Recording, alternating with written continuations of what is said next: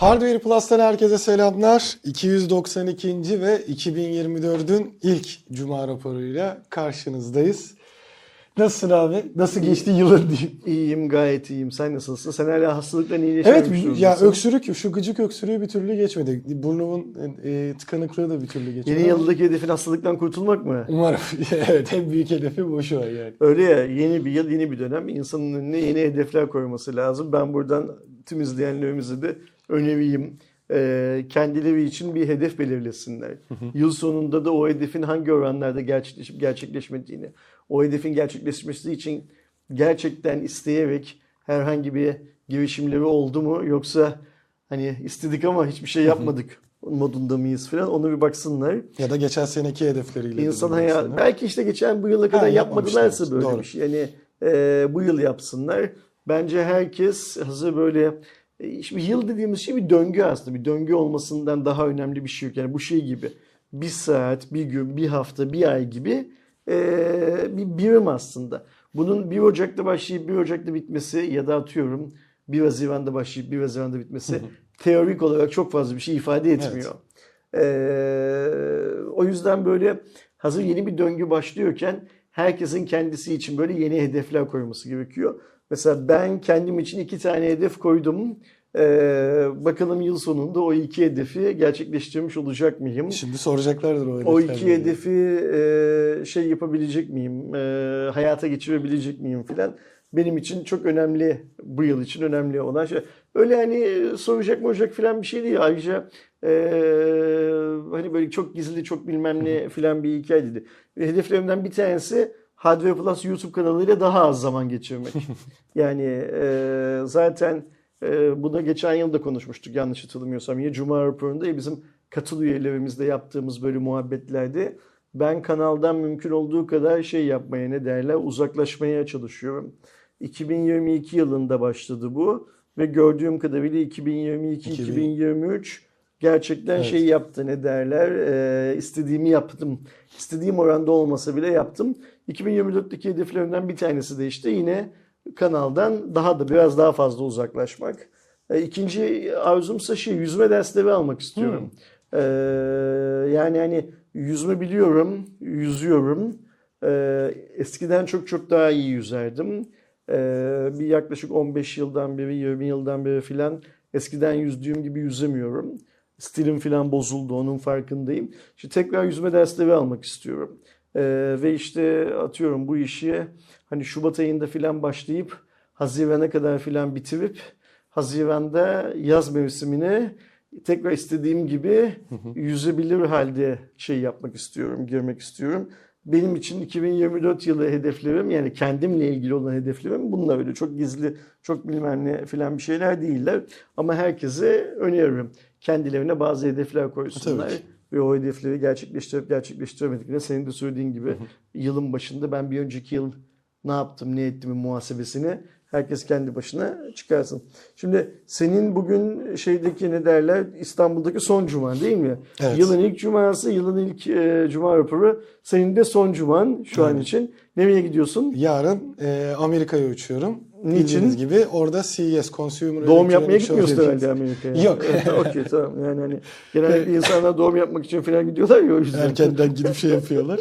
Ya da hani herhangi bir şeyim de yok. E, kara para aklamada kaçmaya da çalışmıyorum. Haftaya tekrar geleceğim. Bildiğiniz Nereye gibi, uçuyorsun? e, Las Vegas'a. Doğrudan e, direkt aslında Yok lan, hala doğrudan Las Vegas uçuşları Okey. açılmadı. E, Los Angeles aktarmalı Angeles gidip aktarmalı. Seattle aktarmalı döneceğim. Tamam süper. CS'e gidiyorsun. Evet. Yani işte meşhur Amerika'nın benim hiç sevmediğim tüketici elektroniği fuarına gidiyorsun.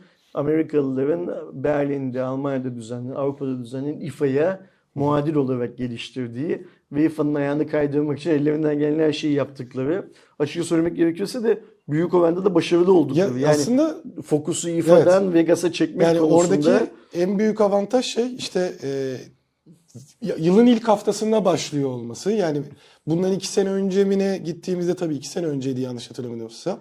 E, gittiğimizde e, 2, şu, 2 Ocak'taydı. Yani e, yılbaşını kutlamıştık. Ben 1 Ocak'ta uçmuştum yanlış hatırlamıyorsam. Ee, o kadar erken yapıyorlar ki e, bu da özellikle işte hani yeni yılın bütün teknolojilerini görebilmek, gelişmelerini görebilmek açısından güzel de tarih seçmişler. Senin kaçıncı gidişin olacak bu şimdi? Bu iki olacak. İkinci kez gidiyorsun. Okey. Ee, bir hafta boyunca, yaklaşık bir hafta boyunca yolu filan da Aynen, tabii. sayarsak orada olacaksın ve hiç bize danışmadan, İstanbul'a danışmadan her zaman yaptığın gibi fuar alanında ne görüyorsan, neyin Hardware Plus izleyicileri tarafından Evet. ilgi çekeceğini düşünüyorsan onların videolarını işte Zaten aynen saat bazen yatay, şey bazen dik Dikey. nasıl olursa olsun şey yapacaksın, paslayacaksın. Ve sana Amerika'da bu yıl bizim Efe eşlik edecek değil mi? Geçen yıl da vardı Efe. Evet. Ama Efe geçen yıl biraz gezip tozmak amaçlı gelmişti galiba daha Bir çok. de hani e, benim geldiğimi duyunca aa, kendi işlerini ayarlayıp bir iki günlüğüne gelmişti. bu yıl bu, sefer- yılsa gerçekten sana Evet. yardımcı olmak için gelecek. Yani aslında bir şekilde Efe'ye de teşekkür ederim tabii ayrı Tabii. mevzu ama Hardware Plus adına iki kişi orada olacak. Bu iki kişinin orada olmasının amaçlarından bir tanesi de işte şey görüntü kalitesi olarak Efe'nin e, kamera arkasında sana şey yapması, destek olması için fi- böyle bir organizasyona girdik.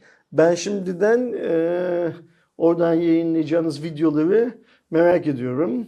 E, Bakalım bakalım bu yıl CS'ti bittikten sonra aklımızda herhangi bir şey kalacak mı? Çünkü ben böyle yakın CS tarihine baktığım zaman şu LG'nin katlanabilir televizyonundan sonra CS'te sanki o da kaç yıl oldu da? Evet, çok. Ee, pandemi öncesindeydi yanlış hatırlamıyorsam. Tabii tabii yani e, Ya da pandeminin başladığı yıldı ga- galiba, Galiba. şey olarak. O zamandan beri böyle CS'te aklımda çok fazla bir şey kaldığını bir şey, evet, yani hatırlamıyorum. bizim- Umarım bu yıl e, daha dolu dolu. Ya bu sene mesela olur. yine TOG katılıyor. Zaten hani e, TOG'un da kendi vurgusu akıllı araç olduğu için onunla alakalı da satışla alakalı bir haberimiz olacak. Ama herhangi bir hani lansman duyurusu yok. Standıyla olacak. TOG lansman Sony kanalında. TOG, TOG hikayesini TOG e, haberinde konuşuyoruz zaten. Sony'nin otomobilini göstermesi bekleniyor. Artık hani şimdi. satış tarihini yani ana lansmanın olması. Biz e, yine iki sene önce gittiğimizde araçlarını göstermişti ve prototip de değildi aslında böyle üretim hazır araçlar gibiydi ama bir üretim yapılmadı. Bu sefer Honda ile beraber bir e, lansmanı olacak. E, bu açıdan artık hani satışa sunulmasını çünkü Xiaomi'de biliyorsunuz Su7 ailesini çıkarmıştı. Burada onu bekliyoruz. Kia kendince bir e, sunum yapacağını söyledi. Özellikle yeni elektrikli araçlarla alakalı. E, onun dışında işte örnek veriyorum AMD'nin yani Intel'in e, geçtiğimiz haftalarda yaptığı Ultra serisi işlemcilerine cevabı e, CES'te verecek gibi AMD yeni nesil işlemcileriyle beraber. Ama en çok e, gelen bültenlerden de çünkü işte CES'e medya olarak kayıt olduğunuzda CES'teki bütün katılımcılar size hani mail de atabiliyor. Biz şunu tanıtacağız, böyle yapacağız diye. Gelen maillerin %90'ı yapay zeka ile alakalıydı. Orada Bakalım o gelişmeleri önümüzdeki hafta gibi. bol bol şey yapacağız ne derler izleyeceğiz kanalda en azından bunları ve inşallah sadece otomobil sadece bilmem ne olmaz biz yeni teknoloji olarak da CS'ten bir şeyler Amerika'yı görmüştük mesela. orada. Şimdi sen dönünceye kadar ülkede çözülmesi gereken çok daha büyük sorunlar var Aydoğan. Mesela işte son zamanlarda gördüğümüz muazzam bir anayasa krizi var. Yani anayasa Ee, yok gibi. anayasa Şu an yok gibi. teknik olarak yok. A- aynen öyle. Anayasa yok gibi bir durum var. Ee, işte bunu herkes kendi siyasi görüşüne, kendi itikadına göre açıklıyor, e, yorumluyor ve taraf tutuyor. Ama ortada tutulması gereken tek bir tane taraf var. O da anayasada ne yazdığı tarafı. Anayasayı değiştirmediğin sürece ki bu arada şunu da söyleyelim. Benim bildiğim kadarıyla emin değilim bundan ama şu anki hükümet Türkiye Cumhuriyeti tarihinde anayasayı en çok değiştiren hükümet. Yani değiştirdiği haliyle bile bu Bir de- anayasadan Ee, şey kısmı da var abi. O doğrudur çok büyük ihtimalle. Çünkü tekrar bir değişiklik isteniyor İstiyor diyor. da. Hı hı, evet. Ama e, bu özellikle geçtiğimiz hafta gördüğümüz işte Can Atalay konusundaki Yargıtay'ın yine şey yapmasında destekleyen tarafların unuttuğu çok önemli bir şey var. Bundan yıllar önce yani en azından benim yaşıtlarım ve benden büyükler hatırlıyordur. Ee, Yargıtay'ın e, AK Parti'yi kapatma şeyini anayasaya uygun değil diyerek reddeden Anayasa Mahkemesi'ydi.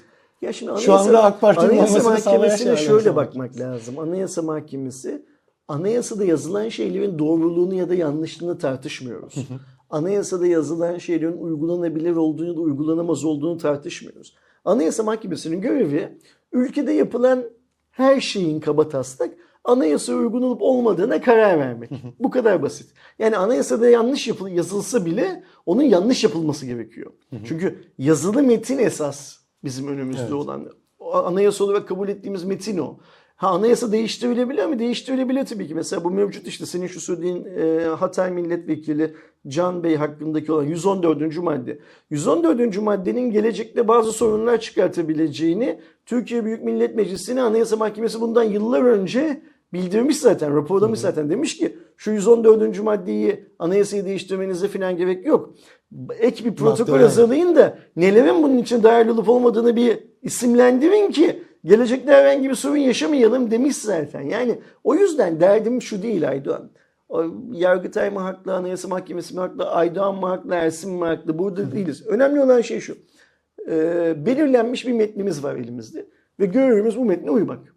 Bu metni işte Burhan Kuzu'yla başlayan süreçte AKP hükümeti defalarca revize etti zaten. Yeni, ben son 10-15 yıldır en çok duyduğum şey anayasayı baştan yapacağız. Daha sivil anayasa bilmem ne filan falan. Yapılabilmiş en sivili buysa ve bundan memnun değilsek Yine onlar o zaman yaptı demek ki yapamamışız demektir. Yani Referandumda söylemeye çalıştığım şey şu. maalesef. Ee, işimize geldiği gibi, işimize geldiği gibi bazı şeyleri değiştirmeyi. Bak şimdi bu işimize geldiği gibi noktası çok önemli. Oraya geleceğim birazdan. Şimdi Anayasa Mahkemesi anayasayı korumakla görevli. Ama anayasayı korumaktan kastımız böyle ulvi bir şeyi korumak değil. Yani anayasada yazanlara göre uygulamanın olmasından yoksa anayasa kitapçığını alsın korusun böyle bir görevi yok. Ya anayasal Şimdi düzenin diyor- gel- geldiğimiz noktada sağlamak. Anayasa Mahkemesi diyor ki şu anki uygulama söz konusu uygulama işte Hatay Milletvekili e, Can Bey'in tutukluluk durumu anayasaya aykırıdır diyor. Ama bu şu da olabilirdi. Ersin'le Aydoğan'ın yan yana oturup Cuma raporu sunmaları da anayasaya aykırı diyebilirdi. yani. Derdimiz o değil. Derdimiz anayasanın korunuyor. Çünkü artık olay şeyden çıktı. Ee, bir milletvekilinin tutuklu olmasından bilmem neden filan çıktı. Anayasanın herhangi bir yer- noktada çiğnenmiyor olması, delinmiyor olması lazım. Ve geldiğimiz noktada Anayasa Mahkemesi ne söylerse söylesin birileri işte o birileri bu senin verdiğin örnekte önemsiz. Hani geçmişte Anayasa Mahkemesi AKP'nin kapatılmasını engellemiş. Şimdi bu kıyaslara girmeye gerek yok. Anayasa Mahkemesi kendi görevini yapıyor. Anayasa Mahkemesi üyeleri ayrıca e, yani atıyorum hepsi muhalefetten değil ki. E zaten Anayasa Mahkemesi'nin atamasını çoğunluğunun yapıyor. atamasını Cumhurbaşkanı yapıyor. Yani tıpkı Yargıtay üyelerinin çoğunluğunun atamasını Cumhurbaşkanı'nın yaptığı gibi. Yani hani bu bir güçte ayrılığı bilmem ne filan hikayesini biz zaten çok uzunca bir süreden Çok beri e, kaybediyoruz her geçen dönemde. Şimdi şöyle bir şey var. Kralın bazı adamlarıyla kralın bazı adamları bir fetih konusunda anlaşamıyorlar gibi bir durum Aynen, söz aynen, konusu. aynen. Dışarıdan Ne- baktığımız zaman- arasında bir sorun var. Aynen öyle yani. yani. Hatta bunu iyice böyle bel altına düşürelim. Kayıkçı kavgası tarzında bir kavga var. Ama biz bu kayıkçı kavgası tarzında kavgayı işte 15 Temmuz darbe girişimi öncesinde FETÖ'cülerin de bu tarz hikayeler yaptığını gördük bu de, şeyde. Ee, aynı AKP yönetiminin ba- bazı şeylerinde, saflarında. Yani öyle değil mi? Sahte deliller üretilip yine yargının bazı mensuplarının bazı başka şekillerde suçlanmasını, generallerin, subayların, şunların, bunların e, görevlerinden edilmesini filan da yine böyle kayıkçı kavgaları e, sebep vermemiş. Her neyse. O kadar geçmişe gitmeyelim. Söylemeye çalıştığım şey şu. Anayasayı değiştirmek iktidarın elinde. Anayasayı değiştirmek Türkiye Büyük Millet Meclisi'nin elinde. Siz yıllardan beri anayasayı değiştiriyorsunuz. Ve görünüyor ki hala makul ve mantıklı bir anayasaya varamamışız. Yani o vaat edilen sivil anayasaya hala ulaşamamışız. Ve Anayasa Mahkemesi şu anda e, uygulamanın anayasaya aykırı olduğunu söylüyor. İş bu kadar basit. O zaman uygulamadan vazgeçmek lazım. Ayrıca anayasada şu da yazıyor. Herhangi bir hukuki kurumla mahkemeyle Anayasa Mahkemesi'nin çeliştiği anlarda Anayasa Mahkemesi'nin kuralları geçerlidir gibisinden bir madde de var. Yani o yüzden bunu tartışmaya gerek yok. Şimdi ne oluyor peki? Büyük resimde ülke anayasasını kaybederken ülkenin anayasası birilerinin gözünde gereksiz bir metinmiş gibi algılanması sağlanırken bir yandan da öyle ya şimdi bir, bir kısım insan diyor ki anayasa diyor kendince terörist olarak belletilmiş birilerinin korunmasını sağlıyor diyor. bir kısım insanda bu şey var, fikir var. Evet. Bu fikir bu insanlarda kendi kendine oluşmuyor. Bu fikir bilinçli olarak oluşturuluyor zaten birileri tarafından. Adam şöyle düşünüyor. Benim siyasi görüşüme anayasa tehdit hale geldi diyor. Şimdi bunun bence bu şekilde ilerlemesi bir süre sonra anayasaya ihtiyacımız yok. Ya da bizim anayasamız anayasası o kitap değil de bu kitap olsun ha filan Ha, dönüşecek bir manevralar bunlar. Ve çok tehlikeli işler bunlar. Hiç kimsenin girmemesi. Giren hiç kimsenin de yüzde yüz başarı elde edemeyeceği işler bunlar. Kesinlikle. Şimdi bunlar yapılırken dünyanın başka yerlerinde başka zulümler var. Mesela şu an dünya üzerindeki en büyük zulümlerden birisi hangisi? Filistin'de yaşanan hikaye. Nedir o hikaye? Orada İsrail hükümeti, İsrail devleti değil bak İsrail hükümeti bilinçli olarak Filistinlileri öldürüyor, katlediyor. Bir soykırım söz konusu. Ve biz Türkiye Cumhuriyeti Devleti olarak ne mutlu bize ki karşı çıkıyoruz buna. Ama biz mesela yıllar boyunca Yemen'deki Müslümanların katledilmesine gıkımızı çok da fazla çıkartmadık. Suudlar onları katlederken, Çinliler Türkmenleri katlederken görmemezlikten gelmeyi tercih ettik. Ama neyse olsun yani kar, zararın neresinden dönersek kârdır. İsrail konusunda en azından böyle bir karşı duruşumuz var. Şimdi bu karşı duruş esnasında işte bazı insanlar zannediyorlar ki Starbucks'tan kahve içmezlerse bu iş bitecek. Bilmem ne yapmazlarsa bu iş bitecek. Ve tüm bu kargaşanın içinde kendini bilmezin birisi gidiyor birisini yumrukluyor. Öyle değil mi? Yani şimdi bu e, felsefi anlamda neyi savundukları, ne yaptıklarının her şeyin ötesinde ortada fiziki bir saldırı var. Ve eğer biz her türlü sivilin zarar gördüğü eylemleri terör eylemi olarak isimlendirmek zorundaysak ki bence öyleyiz. O zaman bu adamın öbür adama yumruk atmasını da yine bir terör eylemi olarak değerlendirmek zorundayız. Yani burada hiçbir haklı neden yok. yumruk atana bir başkası daha yumruk atıyor onun sonrasında. Ve bu üç insanın yani yumruğu yiyen, ilk yumruğu atan, ilk yumruğu atılan yumruk atan birbirleri hiçbir organik bağları da yok. Evet. Tek şey aynı anda aynı mekanda bulunuyor olmaları değil mi? Ve ilk yumruk atan tutuklanıyor ama ilk yumruk atana yumruk atan tutuklanmıyor. Bir de e, yumruk atılan da anayasaya karşı bir hareket yapmasına rağmen de bir şey Ha kullanıyor. şimdi orada öyle şöyle bir şey var. Yani e, yumruk atılan kişiye niye yumruğu yiyor? Hilafet istediği için yumruğu Bir de yiyor. bayrağını açıyor. Değil mi? Şimdi istemek bence ben tabii hukuk konusunda uzman değilim. Eminim avukatlar vardır izleyenler onlar yazarlar. İstemek bir suç olmamalı. Yani mesela ben de Türkiye Cumhuriyeti Devleti'nin daha sosyalist bir devlet olmasını istiyorum mesela. Ee, o yüzden bu kişinin hilafetle yönetilmeyi arzulaması, istemesi bana sanki suç olmamalı gibi geliyor. Ama burada önemli olan bir şey var. Hilafet e, modern Türkiye'nin kuruluşu esnasında e, bırakılmış bir ünvan Hatta diyelim. Yasaklanmış bile denebilir.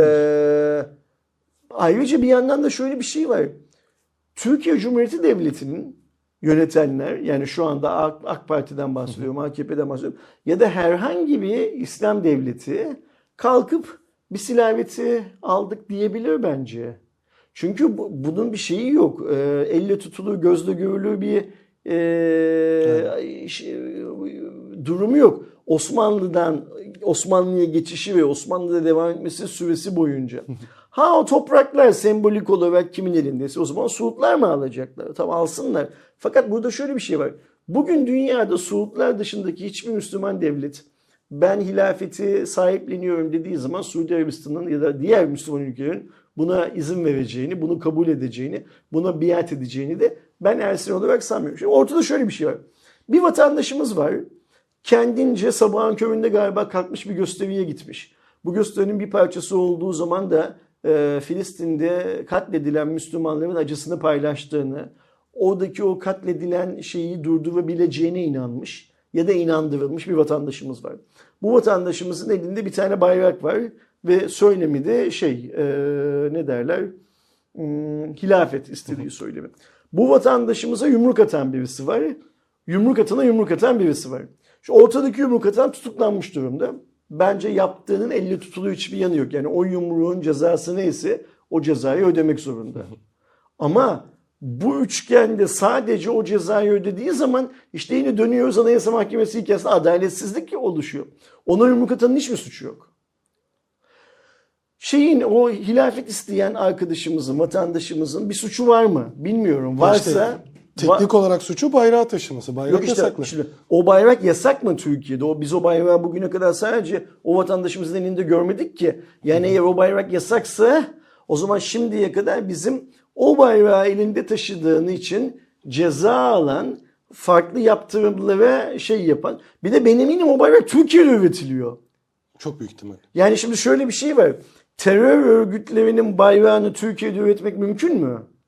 Mesela senle benim bir tane bayrak fabrikamız olsa, biz bir terör örgütünün bayraklarını üretip satıyor olsak, bu mümkün mü? Değil. O, tamam, o zaman o bayrak yasaksa o zaman onu da üretmememiz lazım. Yani şunu söylemeye çalışıyorum Aydan.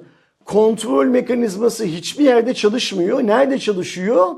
Bu vatandaşımıza yumruk atan bu, bu vatandaşta çalışıyor sadece. Ama buna yumruk atan öbür vatandaş da yine çalışmıyor. Yani aynı anda olay aynı yerde herhalde 5 dakika içinde olan bir olaydan Ya bahsediyoruz. bir de orada çok e, saçma şeyler var. Bir mesela e, dediğin gibi zaten polisin müdahale etmesi gereken bir durumda bir vatandaşın sinirlenip e, doğru olmayan bir şekilde müdahale etmesi. Doğru gerekiyor. olmayan falan değil Erdoğan. Kesinlikle Evet, yanlış. işte hani onu kesinlikle kastediyorum. ilkel, kesinlikle kabul edilemez. Yani o vatandaş e, elindeki bayrak ve ağzındaki ilafet söylemiyle eğer herhangi birinin o anda e, canına e, katletmiyorsa ona fiziki olarak müdahale etmek kimsenin Kimse hakkı değil. Aynen. O, o yüzden orada tartışılabilecek bir, bir şey Şöyle yok. de bir e, garip tarafı Yani var. sen Müslüman mısın ben değil miyim öbürü bilmem ne mi filan böyle Tabii, bir tabii, hikaye yok. Mesela şey yapalım o vatandaşımız hilafeti değil de e, eşcinsel haklarını savunuyor olsun. Kendisinin eşcinsel olup olmaması önemsiz. Elinde eş, Gökkuşağı şey, bayrağı. gökkuşağı Ya bayrağı da olsun. diğer- Dilinde de eşcinsel haklarıyla alakalı bir şey olsun.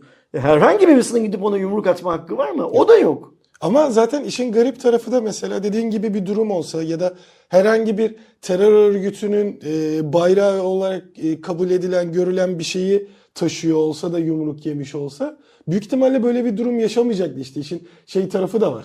Ya tabii ki sen Oradaki- diyorsun ki şimdi onun elinde terör örgütü bayrağı olsaydı ona yumruk atan tutuklanmayacaktı diyorsun. Çok büyük ihtimal. Ya doğru bununla zaten bak söylemeye çalıştığım şey şu.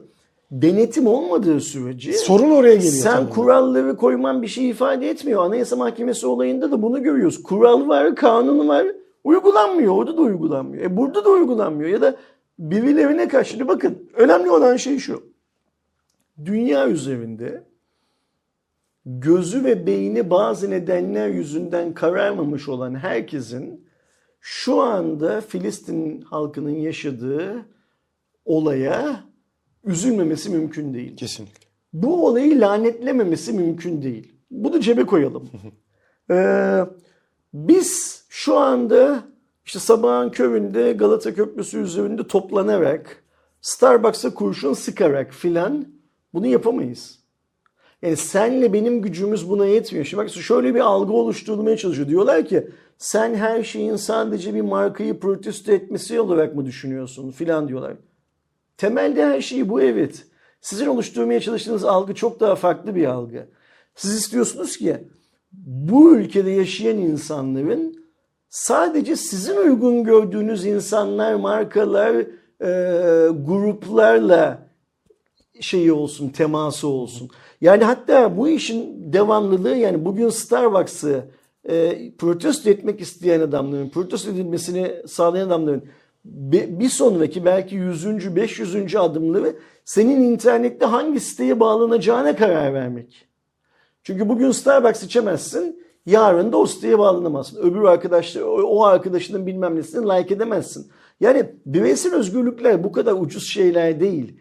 Ee, ve bunların hiçbirisi bugünün dünyasında kabul edilebilir hareketler değil. Şimdi biz Starbucks'ı protesto ediyoruz. O vatandaşımız sabahın köründe Filistin'le hilafetin nasıl bir alakası var bilmiyorum ama herhalde şöyle düşünüyor. Hilafeti ilan edecek olan kişiler Filistin'i de kurtaracak olan kişiler falan diye düşünüyor herhalde. Emin değilim. Fakat şunu sormuyor mesela. Biz niçin İsrail hükümetine çelik satıyoruz? İsrail hükümeti bu kadar çeliği Şeyler ne yapıyor? paylaşıldı hala daha gemiler gidiyor İşte İsrail'e. İsrail hükümeti bu kadar çeliği ne yapıyor mesela? Çelikle Ee, ne yapılabilir? herhalde kolye yapıyorlar çelikle öyle değil mi?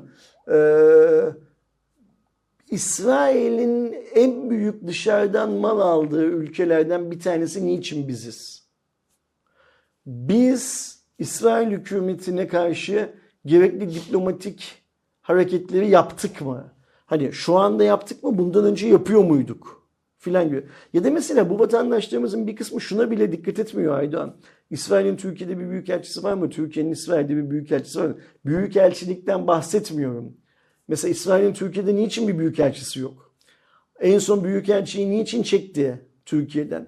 Biz ona karşı büyükelçimizi çektikten sonra niçin tekrar büyükelçi gönderdik Tel Aviv'e filan. Bunları da hiç şey yapmıyorlar. Çünkü okumak e, birileri için e, belli oranda anladığı ya da hiç anlamadığı kutsal kitabı okumakla sınırlı. Onun dışında herhangi başka bir şeyi anayasayı, gündemi, tarihi, e, modern teknolojileri, şunu bunu falan okumakla bir kısım insanın çok fazla bir şeyi yok. Zaten Yok, biz doğru. buna kabataslak dışarıdan bakıldığı zaman kara cahillik diyoruz aslında. Ve bu kara cahillik nedeniyle bunların hepsi oluyor. Neler oluyor? İşte 81 il kendi milletvekilini seçiyor ama bir ilin bir milletvekiline diyorlar ki sen milletvekili olamazsın. Evet. Bu adam seçilmek için başvururken gıkını çıkarmamışsın. Seçilirken önüne herhangi bir yasal engel koyamamışsın, koymamışsın. Ama seçildikten sonra ayrıca derdimiz gerçekten sadece Hatay milletvekili. Şimdi mesela önümüzde yine seçimler var bir iki ay sonra. Hatay halkı nasıl e, oy verecek şu şartlar altında? Yani mesela biz %95'e depremden %95. sonra deprem bölgesindeki vatandaşların ağırlıklı olarak iktidar partisine oy verdiklerini gördük değil mi? Verirler bu kendi oyları. Hiç kimseye niye İstediğini ona verir, oy verdin, aynen. niye buna oy verdin diyemeyiz.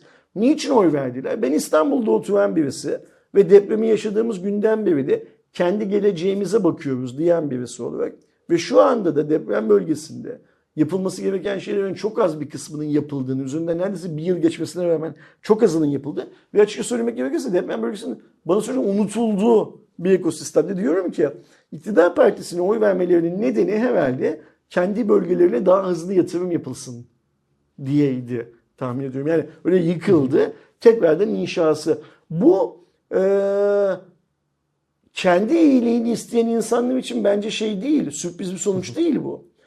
Eee, şimdi mesela belediye seçimleri olacak. Belediye seçimlerine nasıl oy verecekler? O illerin tamamı ya da tek başına Hatay öyle ya Hatay'ın Hatay şu anda Türkiye Büyük Millet Meclisi'nde bir eksik temsil ediliyor. Evet. Ha bu Hataylılar için çok mu önemli? Sanmıyorum mesela. Türkiye'deki hiçbir ilin kendi bir tane milletvekili, mecliste bir tane eksik diye çok kaygılandığını sanmıyorum. Çünkü Türkiye'deki zaten parlamento sistemi vekillerin kendi şehirleri, kendilerini seçen, doğrudan kendilerine oy veren vatandaşlar için değil, hep Ankara için çalışmaları üzerine kurulmuş bir durumda olduğu için umursadıklarını sanmıyorum. Ama şöyle bir gerçek var. İşte yaklaşık 6 aydan 7 aydan daha uzunca bir süredir bu adam hapiste. Anayasa Mahkemesi bu adamın hapisten çıkartılmasını bir an önce vekillik yeminini etmesini ve göreve başlamasını şey yapıyor, Evet. emrediyor. Ve bu emir karşısında herkes sus pus duruyor. Kanunların acaba sana göre ayrı, bana göre ayrı değerlendirilmesi gibi bir şey mi söz konusu? Gibi. Bu yumruk olayında da onu görüyoruz. Mesela kanun ilk yumruk atan için uygulanıyor, ikinci yumruk atan için uygulanmıyor. Bunlar çok tehlikeli sular. Bunlar çok hmm, nasıl söyleyeyim e, ülkenin geleceği için e, parlak günleri işaret eden sular değil. Ve tüm bunlar olurken ülkede birileri hala birçok insan hala açlık sınırının altında yaşıyor. Türkiye'nin gayri safi milli gelirinin büyük bir kısmını hala çok az bir azınlık kendi arasında paylaşıyor. Doğru. Ve biz Starbucks'ı kurşunlasınlar mı kurşunlamasınlar mı? O çocuk ona yumruk attı tutuklandı. Ona yumruk atan niçin tutuklanmadı? Anayasa niçin her geçen gün daha değersiz bir metin haline getiriliyor? Filan gibi dertlerle uğraşıyoruz. Bak artık çoğu zaman kendi aramızda konuşurken depremden konuşmuyoruz. Oradaki neydi? Türkiye nüfusunun ortalama 8'de birini etkilemişti değil mi? Evet. Her 8 kişiden bir tanesi o bölgedeydi.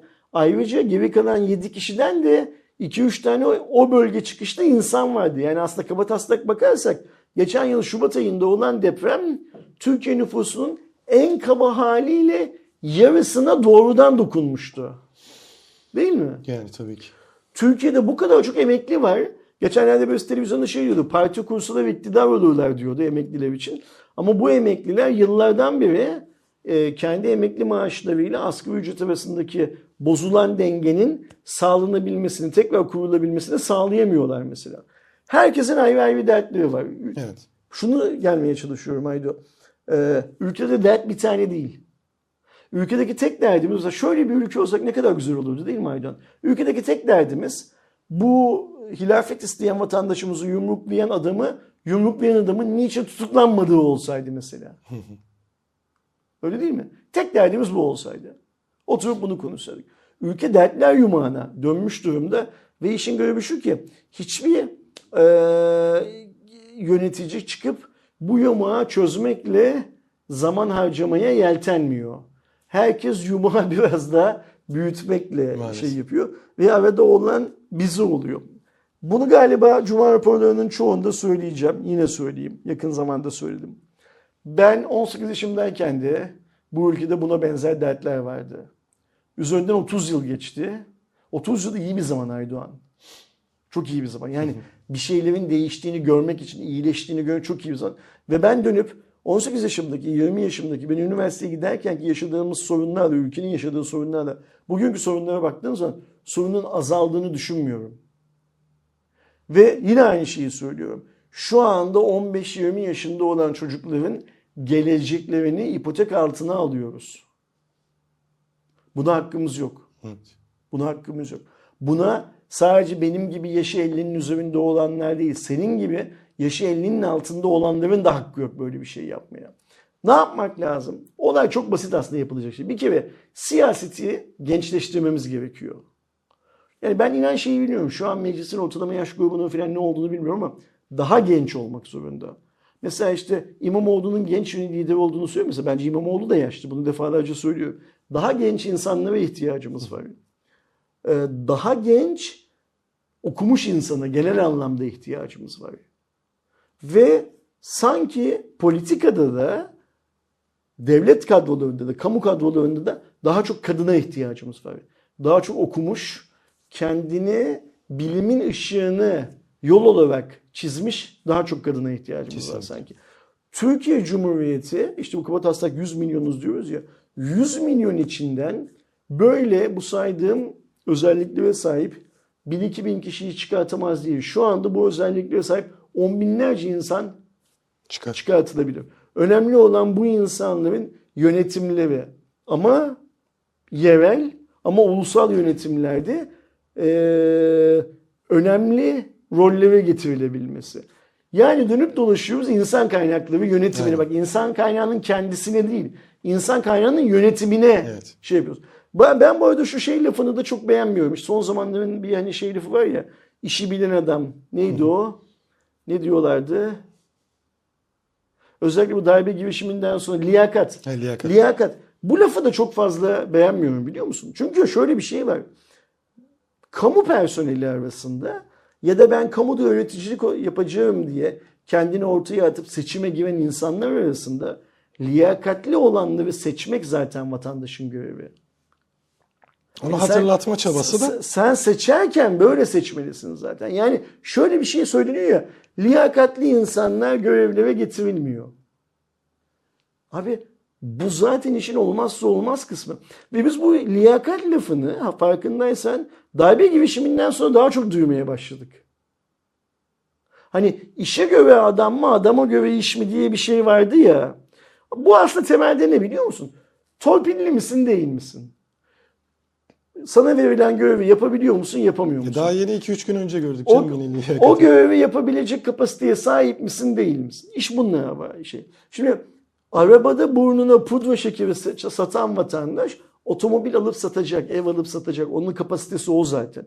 Ama ekonomi bakanı olarak göreve getirdiğin adamın kapasitesinin öyle olması gerekiyor. Ya da şöyle bir şey mümkün değil. Birisi Ben hem ekonomiden de anlarım, hem adaletten de anlarım, sağlık sisteminden de ben anlarım, eğitim sisteminden de ben anlarım. Neyin nasıl yapılacağı konusunda her türlü fikre sahibim.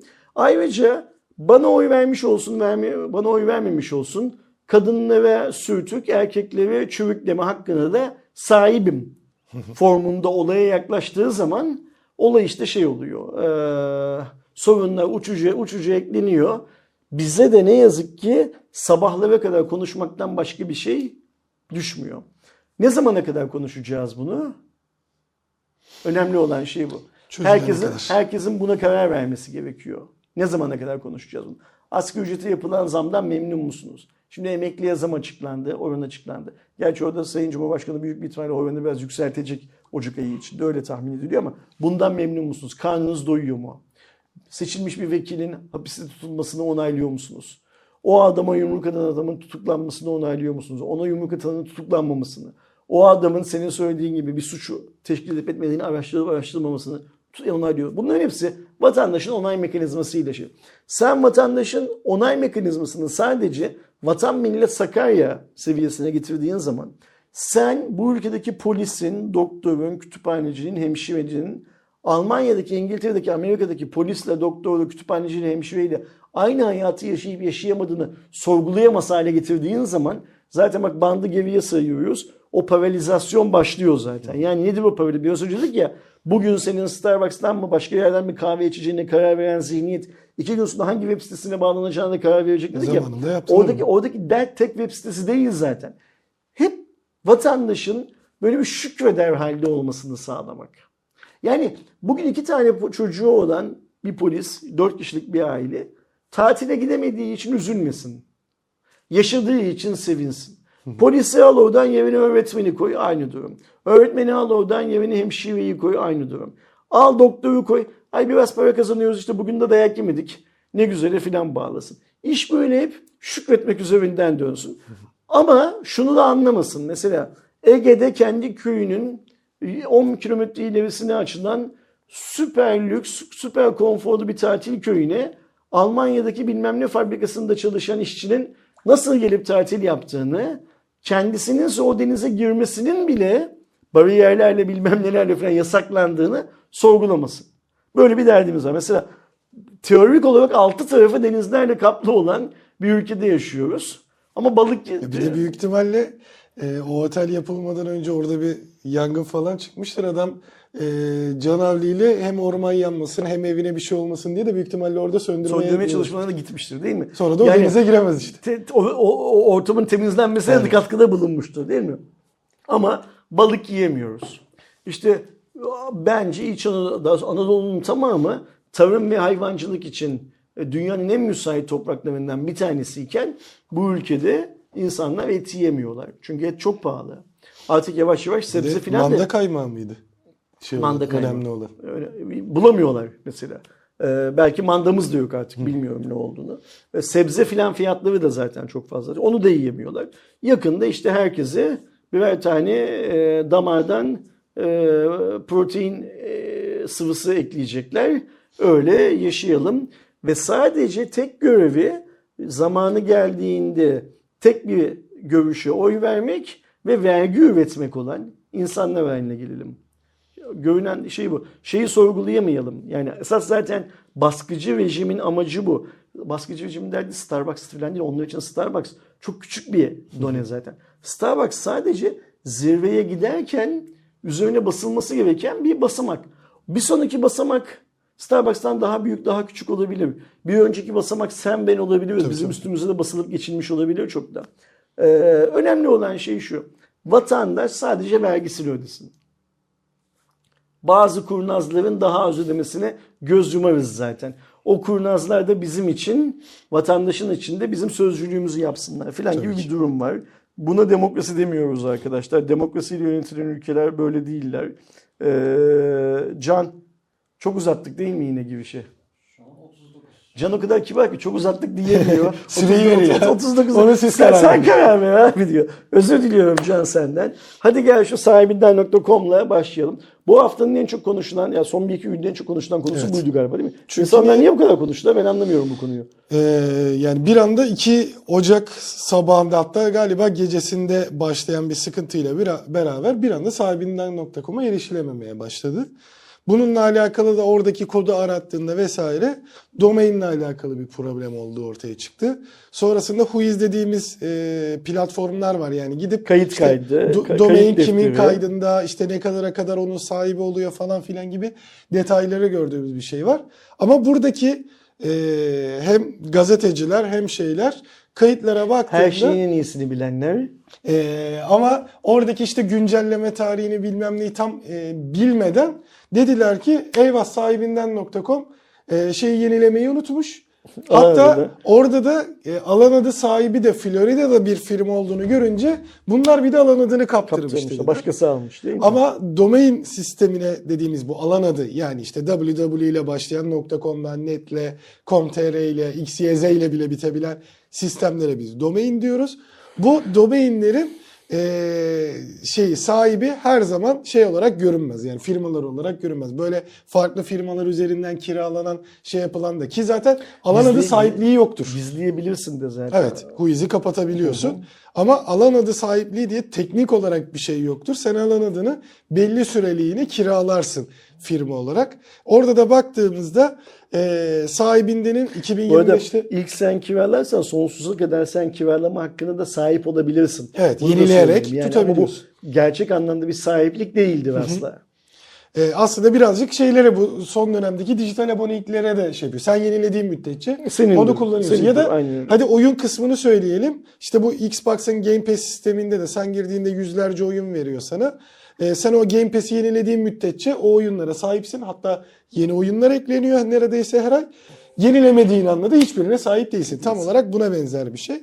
E, şeyde de baktığımızda sahibinden de de 2025'in aralığına kadar sahibi olduğu görülüyordu.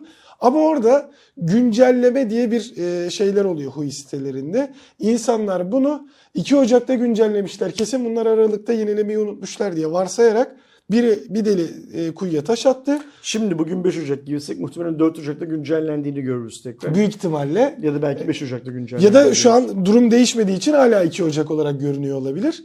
E, 2 Ocak olarak gördükleri Orada için görünen tarihlerin bir de saat farkları var tabii. Tabii. Onu da anlamak. Onu da bilmiyoruz. Yani Onu da şey, bilmiyoruz. e, artı 3 ile vermiyor sadece. Büyük ihtimalle artı 8 ile veriyordur ya da 0 ile veriyordur. E, oradaki Kalif- Kaliforniya saatiyle veriyor diye kalmış aklımda. Güncelleme dediği şey nedir? Aslında sonuçta siz Whois için sorguyu girip yaptığınızda o sorgunun e, en güncel zamanını söyler ama siz mesela şu anda girdiğinizde 5'i olarak göstermez. O sorgunun değiş herhangi bir maddesi, herhangi bir şey değiştiğinde yapılan e, şeydir, e, gösterilen hikayedir. Zaten e, Twitter'da ya da X diyelim artık yaptığımda böyle araştırmalar yaptığımda 2023 yılı içerisinde yani Aralık ayı içerisinde de yapılan sorguların olduğunu gördüm. Büyük ihtimalle şöyle bir durum oldu. 2024'te teknik olarak bitiyordu sahibinden.com'un şeyi ama firma herhangi bir şekilde bunu unutmadı. Yeniledi. 2 Ocak'ta biri sahibinden.com'a daha doğrusu bu 2 Ocak'ta bir anda şey olunca e, siteyle alakalı bir problem olunca biri girip Whois kaydına baktığı anda 2 Ocak'ta da son güncel halini gösterdi. 2 Ocak'tan bu yana da herhangi bir şekilde sahibinden 2025'i yenilemediği için de güncelleme tarihi 2 Ocak diyor. Ama 2 Ocak'ta e, şey alınmış anlamına gelmiyor bu. 2 Ocak'ta biri sorgulamış. 2 Ocak'tan önce yapılan sorguya göre de bir değişiklik olduysa size son güncel halini gösteren bir sistemdir bu. Ee, aslında güncelleme ile alakalı bir sorun yok. Çünkü sahibinden de zaten son yaptığı açıklamada medyada yer alan sahibinden.com alan adının başka bir kişi firma tarafından satın alınmış olması alan adının yenilenmemesi haberlerini gerçeğe yansıtmamaktadır diye de söylüyor. Yani güncellemekte bir problem olmamış. Keza unutmuş olsalar bile işte başka biri aldı falan filan diye de paylaşan hem teknoloji siteleri vardı hem de bilmem ne haber, X haber, Y haber diye zaten hani e, Bir de ton- böyle durumlarda şeyi görüyorum. Ne kadar çok çok bilenimiz var ülkede. Her şeyi Ya şey kozu var. herkes her şeyi çok çok iyi iddia biliyor. ediliyor. Sosyal medyada böyle konuşuluyor. Sosyal medyaya düştü. X'te paylaşıldı. Bir koz bulunmuş orada. Şimdi ben Ver işin Allah ver. teknik anlamda nasıl olduğu ile hiç ilgilenmiyorum. Hatırlıyorsan biz bunu aşağıda konuştuğumuz zaman da hiç umursamadım zaten. Yani bu tarz şeyler olur. Ee, bu tarz şeylerin olması normaldir. Zaten e, vakti zamanında şimdi baktım açılımı tam olarak neydi diye işte İKAN diye İCANN diye bir şey var. İnternet tahsisli sayılar ve isimler kurulu bu. Bu Amerikan hükümeti tarafından yetkilendirilmiş olan bir kurum. Aslında dünyadaki tüm birinci seviye alan adlarının da yaratıcısı sahibi olan bu kurum. Yani söylemeye çalıştığım şey sahibinden.com'un sahibi olan bu değil. Com uzantısının sahibi bu. Yani e, bu hiç bu İKA'nın kurallarını falan bizimse? okumamış. Bu domain alma, satma bilmem ne işlevine hiç girmemiş olan insanlar 50 bin tane yalan yanlış şeyler yazdılar. İşte bizim rahmetli Berke'nin bir sözü vardı ya yalancıyı öpmedikleri için hani bu kulaklarını da çınlatalım mekanı cennet olsun. Oluyor böyle şeyler diye öyle oluyor. İşin o tarafından daha önemli benim için şöyle işin sosyolojik boyutu çok daha önemli. Mesela şöyle bir şey var. Sahibinden.com e, milyonlarca web sitesinden bir tanesi. Türkiye'nin en çok ziyaret edilen bilmem kaçıncı sitesi olabilir ama bilmem kaçıncı yine birinci sitesi değil yine. Ayrıca sahibinden.com bir bankacılık sitesi, bir e-devlet filan gibi insanların göbekten bağlı olduğu bir site de değil ayrıca. O bir platform, bir pazar yeri. Ve sahibinden.com diye bir site çalışmıyor diye Türkiye'de olay oluyor. Çünkü niye biliyor musun? Çok üzüldü. Türkiye'de her sabah yataktan kalkar kalkmaz sahibinden.com'a bakan, çeşitli vesilelerle bakan insanlar var. Var var. İşlevini, geleceklerini sahibinden.com üzerinden kurgulayanlar var.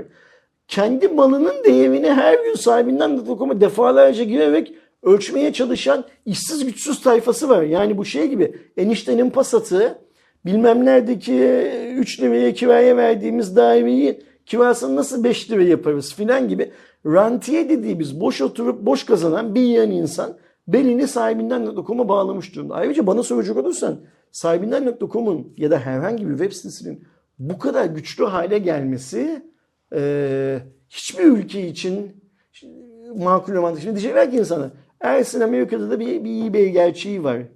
Şey, Amerika, doğru çok haklı. Amerika'da dünyada da bir eBay gerçeği var. Ama eBay'in bir günlük, iki günlük yayından kalkması halinde bütün Amerikalılar için bu çok önemli bir hale gelmiyor. Biz üç günden beri sosyal medyada şurada burada ya da sahibinden.com'la yatıp kalkıyoruz. E biz değil miyiz?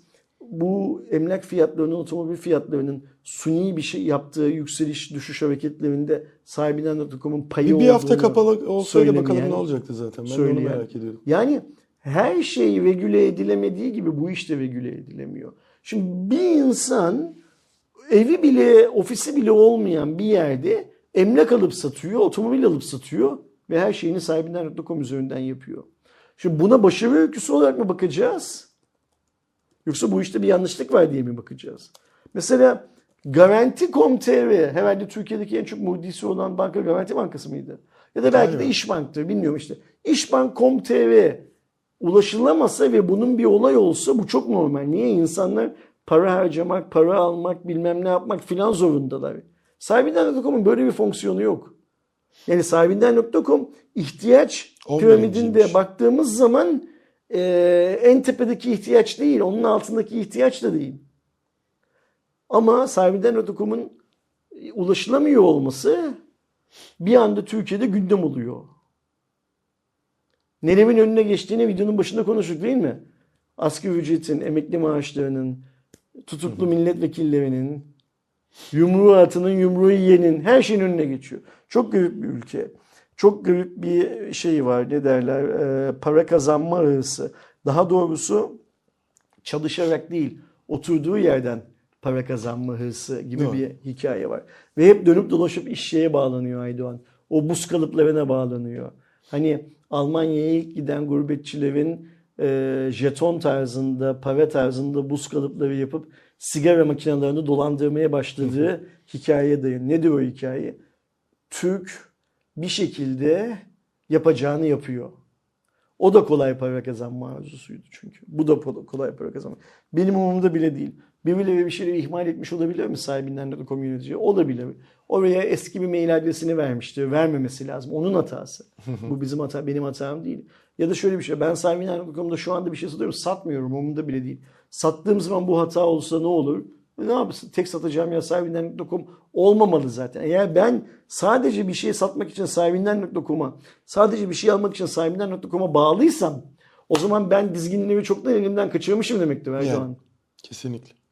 Bir devlet platformu değilse tek bir yer A- olmamalı. zaten. Aynen öyle. Yani e-devlet gibi bir yer değilse e, hiçbir öneminin olmaması lazım. Ha sahibinden mesela şey gibi komik yorumlar vardı. Sahibinden.com domainini birileri almış şimdi bilmem kaç milyon dolar istiyormuşlar. Bunlar tabii cahilliğin dış sınırları artık.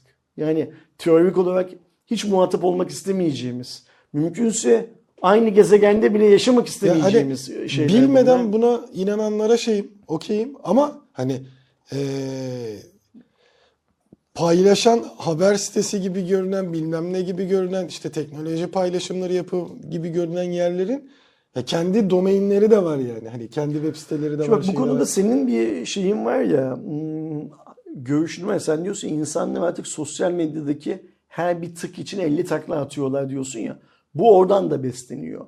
Birileri söyledikleri şeyin gerçek olmadığını bilmelerine rağmen ama yalan da söylemeyecek kadar zeki oldukları için biraz önce Sonra senin iddia yaptığın gibi koyuyorsun. iddia ediliyor okuduğuma Sosyal göre. medyada sosyal medyadan anladığım kadarıyla bilmem ne filan gibi eklerle sürekli böyle bir yoğurdu köpürtme şeyindeler. E, sütü köpürtme Paylaşılsın, tıkansın. Yeter ki paylaşılsın. Elon Musk bir dolar fazla para versin.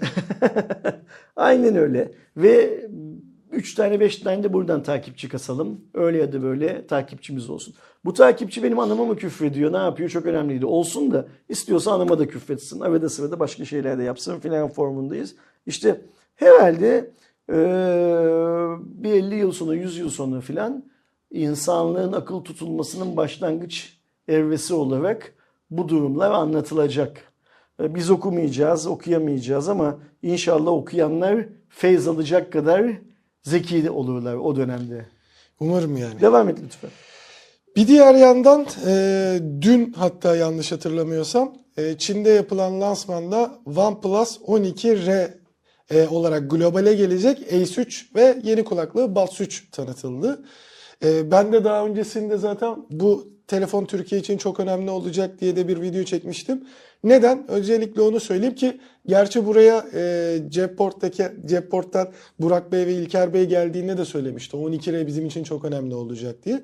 Çünkü tam bir aslında Türkiye ve Hindistan cihazı. Neden? E, Xiaomi'nin işte T serisi, e, Realme'nin GT serisi ama Oppo ile kıyasladığımızda e, işte Tekno'nun kendi Phantom serisi diğer rakiplerine nazaran daha uygun fiyatlı olmasıyla nedir? Aslında Xiaomi'nin çıkış amacı gibi cihazlar bunlar ki OnePlus'ın da çıkış amacı buydu. E, amiral gemi özelliklerine sahip olan e, birçok kullanıcıyı fazlasıyla tatmin edecek sahip e, özelliklere sahip olan ve fiyat olarak da amiral gemilerinin neredeyse yarısı fiyatına satılan cihazlardı. Ace 3 ya da işte globale 12R olarak gelecek cihaza da baktığımızda e, alüminyum çerçevesi var. Bu çok önemli bir artı bence bir cihaz için. Özellikle böyle bir cihaz için. 6,78 inçlik 1.5K dediğimiz e, LTPO yani e, son nesil LTPO. 1 Hz ila 120 Hz arasında değişiklik yapan bir ekran var. 4500 nite kadar çıkabiliyor HDR içeriklerde. Diğer türlü 2000'e falan çıkıyordu yanlış hatırlamıyorsam. 8 Gen 2 var. Yani Türkiye'de daha 8 Gen 3'lü cihaz gelmedi. İşte Samsung'un lansmanı sonrası büyük ihtimalle ilk e, ürünler Samsung tarafından getirilecek. E, en güncel işlemcilerden birine sahip, en güçlü, uzun süre kullanabileceğiniz. 12 GB ve 16 GB e, RAM'i var. LPDDR5X. 256 512 1 TB depolama alanı var. Sony'nin IMX890 50 megapiksellik ana sensörü var ki IMX890 geçen seneki amiral gemilerindeki e, sensördü. Ayrıyeten 8 megapiksel artı 2 megapiksellik yardımcı sensörleri var. Önde 16 megapikseli var. 4K çekim yapıyor. 5500 miliamperi var. 100 wattla şarj ediyor. E bunların hepsini yaptığımızda da bildiğiniz aslında bir amiral gemisi cihaz olarak görüyoruz ve fiyatlarına baktığımızda da e, 12256'sı 2600 yuan, 365 dolar ve 11 bin liraya denk geliyor Çin fiyatı. 16512 e, 3000 yuan, 420 dolar, 12.500 TL'ye denk geliyor. En üst modeli 16'ya 1 TB modeli de 3500 yuan, 560 dolar ve 17.000 liraya tekabül ediyor. En düşük model Yuan'ı TL'ye çevirirsen 11 bin 11 liraya bin gelir. lira. Buna %100 vergi koy 22 bin lira. Bu cihaz 22 bin liraya Türkiye'de çıkarsa önünü kimse tutamaz. Yani böyle bir cihaz değil mi? kesinlikle, Yani hani kesinlikle. en düşük versiyonu için bile sen bu cihazı 22 bin liradan Türkiye'de satabiliyorsan eğer bu cihazın önünde şu günkü fiyatlara bakarak öyle ya sen liste videosu yapıyorsun şu anda. Arkadaşlarımız girsinler 20 bin lira üstü galiba bu sabah yayın alındı o video değil mi? Evet. 20, Evet evet. 20 bin lira ve üstündeki listenin listendeki şeylere baksınlar, telefonlara baksınlar. O telefonların çoğundan çok çok daha iyi, ondan daha iyi olan varsa da 22 bin liradan çok daha pahalı. Ya buna en anda. yakını S23 oluyor o fiyat skalasında. Şimdi o yüzden ben hiç bu konuyla ilgili de konuşmak istemiyorum. Sadece bir şey söyleyeceğim. Sen de biraz önce referans verdin. Biz geçmişte markalı ve sorun seviyesinde OnePlus'ın e, tek distribütörü olan Jetport'un yöneticisi olan beyefendileri burada bu stüdyoda ağırladık. Ve bize dediler ki kaba taslak. vi- Videoda olması bile video sonrasında yaptığımız konuşmada 2024'te her şey çok daha güzel olacak dediler. 2023'ü kaçırdıklarını, sonuna geldiklerini, OnePlus'ın yani OnePlus değil OnePlus'ın sahibi olan holdingin Türkiye'de büyük kayıplar yaşadığı için Oppo yüzünden Türkiye biraz mesafeli durduğunu ama mesela 500 tane telefon sattığı için Meksika'nın Meksika'da. çok başarılı addedildiğini bilmem ne filan filan bunların hepsini konuştuk değil mi? Hem arkadaşlarımıza yansıyan tarafında hem arkada biz çay kahve içerken. O yüzden top şu anda Jetport'ta. Şu Jetport'un bu yayında söylediği yılbaşı olmadan Türkiye'de satacağız. Hemen yeni yılın filan hikayeleri var. bu sözler de cebimizde. Bunları bekliyoruz. Ve biz ne bekliyoruz Jetport'tan? Çok net söyleyelim. Ee, Türkiye bir OnePlus ülkesi olabilecek bir ülke. Sen de Kesinlikle. biraz önce öyle söyledin ya bu yeni cihazı şey yaparken. ben de hep yıllardan beri Nord sanki Türkiye için düşünülmüş bir seviye demiyor muyum? Evet. O yüzden şimdi top Jetport'ta. Yani Burak Bey Türkiye'de OnePlus için ne yapabilirse kendisi için de yapmış olacak. Öyle ya bunlar çok büyük işler Erdoğan. Yani hani bak şimdi 500 tane cihaz koca Meksika'da satıldığı için Meksika OnePlus için önemli bir ülke haline geliyorsa şimdi mesela Resmi şu, çoğu insanın pahalı bulduğu ben de onlara katılıyorum bu arada. Ee, şu anda piyasada satılan e, 2023 model amiral gemisi OnePlus Türkiye'de 500 tane satmamış mıdır? Geçmiştir bence. Bence de geçmiştir. Burak Bey'e sormak lazım ama sen kaç sattın, öbürü kaç sattı filan diye sorup sen 3 lira kazanmışsın, öbürü 5 lira kazanmışsın diye hesabını yapmak bizim görevimiz değil zaten. Tabii. Ama satmıştır. Meksika bu kadar önemliyse Türkiye daha önemlidir. Burak Bey yayında ne dedi? Ben dedi Türkiye'deki merkezler alacağım teşviklerin tamamını pozitif fiyat olarak Türk halkına yansıtmak istiyorum dedi. Yani adam şunu söylüyor. Ben diyor başka markalar gibi eee, o söylemiyor bunu ben söyleyeyim. Mesela A seviyesindeki teşviği yılbaşı zamanı S23'e yansıtarak "Aa, Samsung gibi bir iki günlüğüne piyasayı allak bullak etmek istemiyorum diyor. Bir teşvik varsa olduğu gibi vermek istiyorum diyor. Bu çok güzel bir yaklaşım. O yüzden ben isterim ki hem o günkü markalı ve sorun seviyesinde konuştuğumuz hem bu yeni yeni haberlerini aldığımız tüm bu cihazlar belli oranlarda Türkiye'ye gelsinler. Ama iyi fiyatlandırmayla gelsinler. Ve bu iyi fiyatlandırma Türkiye'de pazar lideri kim? Samsung. Ondan sonra en çok böyle kimisinde Apple. Ondan sonra galiba Xiaomi filan filan. Bu listedeki tüm markaların bir şöyle kendilerine çeki düzen vermelerini sağlasınlar. Bunu söylerken kimse şöyle anlamasın. Bakın inanın bana bu cep telefonu markalarının muazzam karlılık oranları yok. Yani toplam cep telefonu sektöründe %5 filan civarı bir kardan bahsediliyor cihaz başına. Mesela geçenlerde bu sektörün en büyük oyuncularından bir tanesinin yöneticisiyle bir aradaydık. Yani satıcı anlamındaki en büyük e, oyunculardan bir tanesiyle. E, dedi ki artan faizlerle birlikte kredi kartından yapılan harcamaların bize olan maliyeti neredeyse %5'e ulaşıyor şu anda dedi. Ve bazı markaların o kadar Ve kar mesela Apple bana. dedi %3 karla çalışmamızı istiyor dedi. Yani ben bir Apple ürününü sattığım zaman %3 kazanacağım ama onun satıştan %5 komisyon ödeyeceğim gibi bir şey geliyor. %2 zarar geldi. %2 olmuyor da. Bunu nasıl yapabiliriz dedi. Şöyle yapabilirim.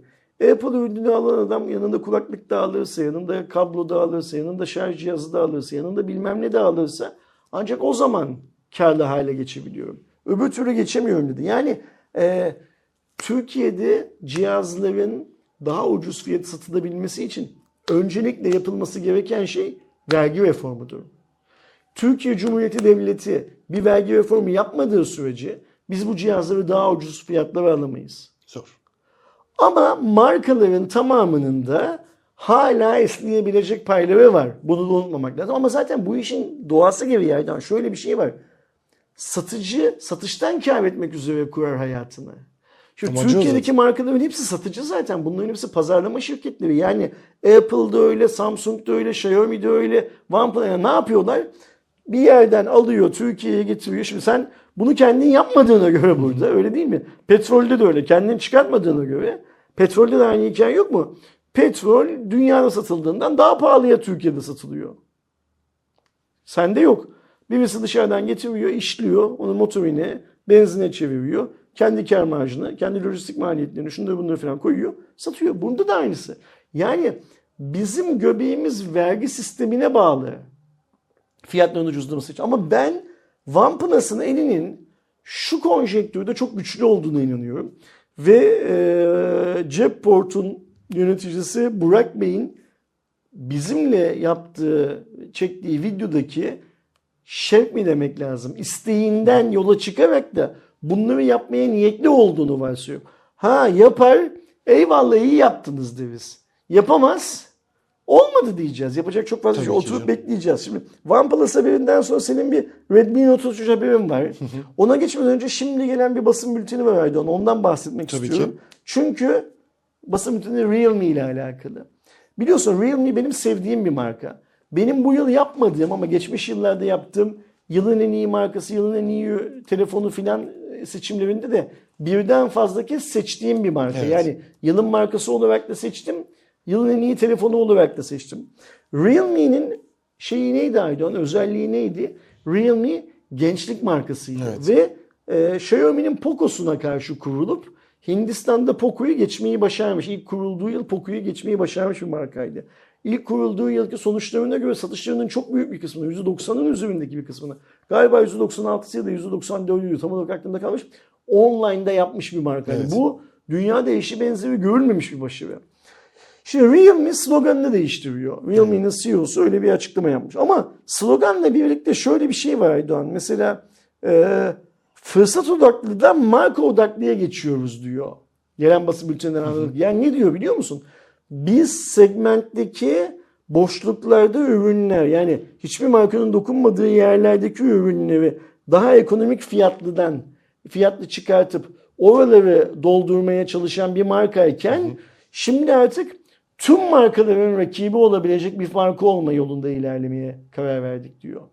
Yani daha çok model çıkartacak. Yeri geldiğinde Oppo'ya, Vivo'ya rakip cihazlar da çıkartacak demektir. Hatta belki Samsung'a, Apple'a. O, o dönüşüm zaten biraz hissediliyordu son bir senedir falan. Ve yeni sloganımız da Make it real. Make it real olacak diyor. Yani eski sloganlarımızdan vazgeçmiyoruz. Onları da devam edeceğiz ama yeni sloganımız Make it real. Make it real'i nasıl Türkçe'ye çevirebiliriz? Gerçekleştir diyebiliriz değil mi? Aynen gerçeği çevir. Ge- gerçek yap, gerçekleştir filan gibi bir şeyi olabilir. Ee, Ne derler? Türkçesi olabilir. Bu arada GT seviyesini yüksek seviye performans ve amiral gemisi olarak konumlandırdıklarını number seviyesi olarak basın bültenine geçmiş. Yani bu sayı seviyesi Aynen. işte. Realme 10, 11 11 falan gibi giden seviyeyi yeni nesil görüntüleme şeyi cihazı olarak. C seviyesini ise Essential Plus demişler. Essential Plus'ı nasıl çevirmek gerekiyor Aydoğan? Yani özel seri diyeceğim de ama o özel seri dediğim Ben böyle şey. kendimce şöyle isimlendireyim. C'ye giriş, numerik seviye orta, e, GT'yi de üst, Üst. seviye oldu. Aynen Zaten öyle. böyle konumlanmıştı. Ama böyle konumlandırmaya devam edeceklerini söylemişler. Türkiye'de de Realme faaliyetlerine devam eden bir şirket. Türkiye'de üretim yapan bir şirket. E, benim çok sevdiğim ve bence pazarda olmazsa eksikliği çok hissedilecek bir marka. Ee, umarım bu e, CEO 5 yıllık bir vizyon çizmiş bu Make It Real sloganı ile birlikte. Bu umarım önümüzdeki 5 yıl boyunca Realme merkezde yapılacak olan değişikliklerin tamamı Türk halkına da pozitif olarak yansır. Umarım. Yansır. Türkiye pazarına da pozitif olarak yansır. Bunu nasıl görürüz biliyor musun? Ben bir ara bunu yapıyordum artık yapmıyorum. Sen farkındasındır. Ben şuna bakıyordum bir ara hatırlarsan. Her marka o yıl içinde Türkiye'de kaç tane telefon yayınlamış mesela. Sayı olarak. Sayı olarak bakıyordum. Son iki yıldır falan bakmıyorum ne yalan söyleyeyim. Ee, sayı olarak Realme'nin Türkiye'de daha çok telefon satışa çıkarttığını görürsek eğer işte bu Türkiye pazarı için iyi bir şeydir. Mesela 2022-23'ü bence iyi geçtiler. Yani iyi geçtiklerden kastım şu. İşte bir olacaklar mı olmayacaklar mı Oppo gitti onlar buradalar mıydı falan. İlk 2-3 ay geçtikten sonra ilk ürünlerini olan C55'i çıkarttılar galiba. C55'ten sonra da yıl içinde bence azımsanmayacak ya da o durum için iyi olacak 11 sayıda serisi geldi. C53 ürün geldi. getirdiler. GT. GT2 Pro'yu işte bir yerlerden bulup iyi fiyata sattılar. Sonra üç 2023 geldi. yılının şeyiydi. Önemli cihazlarından birisi de. O yüzden bunu da e, Cuma raporuna ekleyelim istedim. Çünkü biz Realme'nin çok daha uzun süre çok daha çeşitli cihazları Türk halkına sunması gerektiğini düşünüyoruz. Kesinlikle. Sen böyle düşünmüyorsan bile ben böyle düşünüyorum. benim için de öyle. Ve kendi şeyimi kullanarak senin Cuma rapor listene Realme'yi de eklemiş olayım. Bir diğer yandan Redmi Note 13 serisi de e, globale çıkıyor. En son e, bugün daha doğrusu e, iki gün önce mi bir Çin lansmanı, daha Hindistan lansmanı yapıldı. E, şimdi de 5 Ocak itibariyle globale de çıkıyor. Yani bu demektir ki çok büyük ihtimalle biz bu ay içerisinde Türkiye'de de Yani şöyle Note 13 söyleyeyim. Note 13 seviyesi çok önce açıklandı. Sen zaten bunun canlı Evet. yayınını falan yap. Hatta galiba değerlendirme videosunu falan da çektin.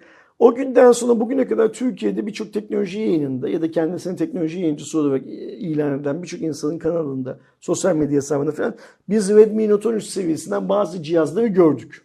O gördüğümüz cihazların tamamı Çin edisyonlarıydı. Şimdi artık global edisyonları çıkıyor. Şimdi biz bugüne kadar Redmi seviyesinde şunu görüyorduk. Global edisyonlarından bir ya da iki tanesi Türkiye'de çıkıyordu. 12 seviyesinde ise şunu gördük. Ne globalle ne Çin'le alakası olmayan cihazlar Türkiye'de çıktı. Türkiye'ye özel sanki böyle bir Redmi Note 12 yapıldı gibi bir şey görüyor. Tam olarak değil ama sanki. Şimdi sen bize 4G'si geldi. globaldeki Redmi Note 13 seviyesinde neler olduğunu kabataslak anlat. Biz de bunlardan yola çıkarak bir dilek tutalım Türkiye'de ne çıksın Yani diye. en azından Hindistan'da çıkan versiyonlara baktığımızda Redmi Note 13 Pro Plus 5G 6,67 inçlik kıvrımlı AMOLED ekran. 1.5K çözünürlük var, 120 Hz tazeleme hızı var. Dolby Vision desteği de bulunuyor ve Gorilla Glass Victus'la korunuyor. 200 megapiksel kamerası, 5000 mAh bataryası, 120 Watt e, şarj desteği var. Dimensity 7200 Ultra ile beraber geliyor. Redmi Note 13 Pro ise 7S Gen 2'yi kullanıyor. E, bir diğer yandan 5000 mAh bataryası 67 Watt varken e, ekran ve kamerası şeyle Pro Plus'la çok çok benzer yani hatta aynı demek daha doğru. Redmi Note 13 ise e, Dimensity 6080'i kullanıyor. E, bir diğer yandan 5000 mAh bataryası 33 Watt şarjı 108 megapikselde kamerası mevcut. Ama e, dediğimiz gibi şimdi yani geçtiğimiz e, Eylül'deydi ya da Ağustos'ta mıydı Türkiye'ye geldiği şey Redmi Note 13 ailesinin öyle bir e, durum vardı. Çin lansmanından hemen bir, bir hafta sonra falan Türkiye'deki çantacılar satmaya başladılar o cihazları. Şimdi zaten Redmi Note 13 de bu hafta kesin ufak ufak şey de olur. E, gerçi daha şu an Pro Plus falan bulabiliyorsunuz işte çantacı tarafından baktığımızda. E, ama e, önemli kısımlardan biri şimdi Hindistan'daki ürünler de birebir gelmeyebilir. İşte Ersin abinin söylediği gibi yani en azından biz e, Redmi Note 12 ailesinde Kıvırma şöyle söyleyeyim. Pro- Biz Redmi Note 12'de gelecekler diye çok heveslendik. Yani gördüğümüz cihazlar gelecekler diye 5G çok ile heveslendik. 4G diye daha düşük Ve burada yani. Cuma raporunda sen de ben de hatta ben defalarca Redmi Note 12 ailesini bekliyorum. Onları görmeden yorum yapmak istemiyorum filan dedin değil mi? Aynen. Sonra bizim karşımıza Redmi Note 12 diye Redmi Note 11'lerin yandan yemişi bir şeyleri Türkiye'de çıkarttılar. Hayal kırıklığımızı lansman sonrasında dile getirdik zaten. Şimdi bizim ağzımız bu yoğurttan yandı geçen yıl. O yüzden Türkiye'deki Redmi Note 13'ler çok iyi olacak. Bunlar çok gelirse çok iyi olur diyemiyoruz. Şu Çin'i gördük çok iyi cihazlar. Evet. Hindistan'ı gördük yani globali gördük çok iyi cihazlar. Ancak biz şu haliyle Xiaomi'den bu işi nasıl yapacak bu yılın bilgisini alamadık daha. Bu arada Xiaomi'cilerden biz bir son bir aydan beri falan Türkiye'den doğru düzgün bilgi de alamıyoruz zaten. Yani onu da söyleyelim. O yüzden varsaydığımız söylediğimiz her şeyin ım, farklı çıkma ihtimali de var. Evet. Ama gönlümüzden yine geçiyor ki şu Hindistan'da gördüğümüz cihazlara yakın cihazlar görelim. Öyle değil mi? E, umarım. Ya birebir aynısı olsun. Şunu da unutmayalım. O bizim beğenmediğimiz 12 seviyesinin Pro'su Türkiye'de 2023 yılının en çok satan cihazlarından birisi oldu. Yani şunu söylemeye çalışıyorum Aydan. Ülkenin ekonomik durumu bazen senin benim ya bunlar 11'in devamı olan cihazlar değiller. Bizim beklediğimiz 12'ler de değiller diye konuşurken insanların da paraları daha fazlasına yetmediği için mecburen gidip piyasadan alıp E, teknik olarak inşallah Türkiye mutlu düzgün mesut- strateji de yapmış. Ve biliyoruz. inşallah mutlu mesut kullanacakları cihazları tercih etmelerine neden olabiliyor. O yüzden ben artık şu pozisyondayım. Ee, Çin'de ve globalde gördüğümüz yeni Redmi Note 13'ler çok güzel. Türkiye'ye gelenleri Türkiye'ye geldikleri zaman gelecekleri fiyatlarla konuşuruz. Aynen. Söyleyecek başka bir şey var mı? Yok. Okey, yani bir tamam. diğer yandan yine Poco'ların e, X6 serisi de geliyor. X6 ve M6 Pro da bu arada olacak. X6, X6 Pro Bugün ve M6 lansmanı da galiba ayın 11'inde yapılacak. 11 Ocak e, Türkiye saatiyle e, 3'te hatta e, öğleden sonra 3'te bir şey olacak. Xiaomi Türkiye'nin sitesinde de hatta şu anda e, hem özel Mi puanı hem de 500 TL'lik indirim kuponu da veriyorlarmış bu lansmana özel. 11 Ocak Perşembe günü sen yoksun burada. Belki Evren'le ben bunun canlı yayınını yaparız. Zaten hani şeyde de Eren de yapmayı planlıyordu. E, izle- ben Be- de oradan be- izlerim. be- beni de yanıma yanına alırsa o zaman. Ya X6 Pro özellikle Dimensity 8300 Ultra'yı kullanan, X6 8 7S Gen 2'yi kullanan ve işte ilk Crystal Res dedikleri ekranı kullanan bir e, seri olacak. 12512 gelecek M6 Pro'da en azından Türkiye sitesine girip bakıyorum. Bunlar e, kesin değerler diyebiliriz. 67 Watt şarjla beraber gelecek.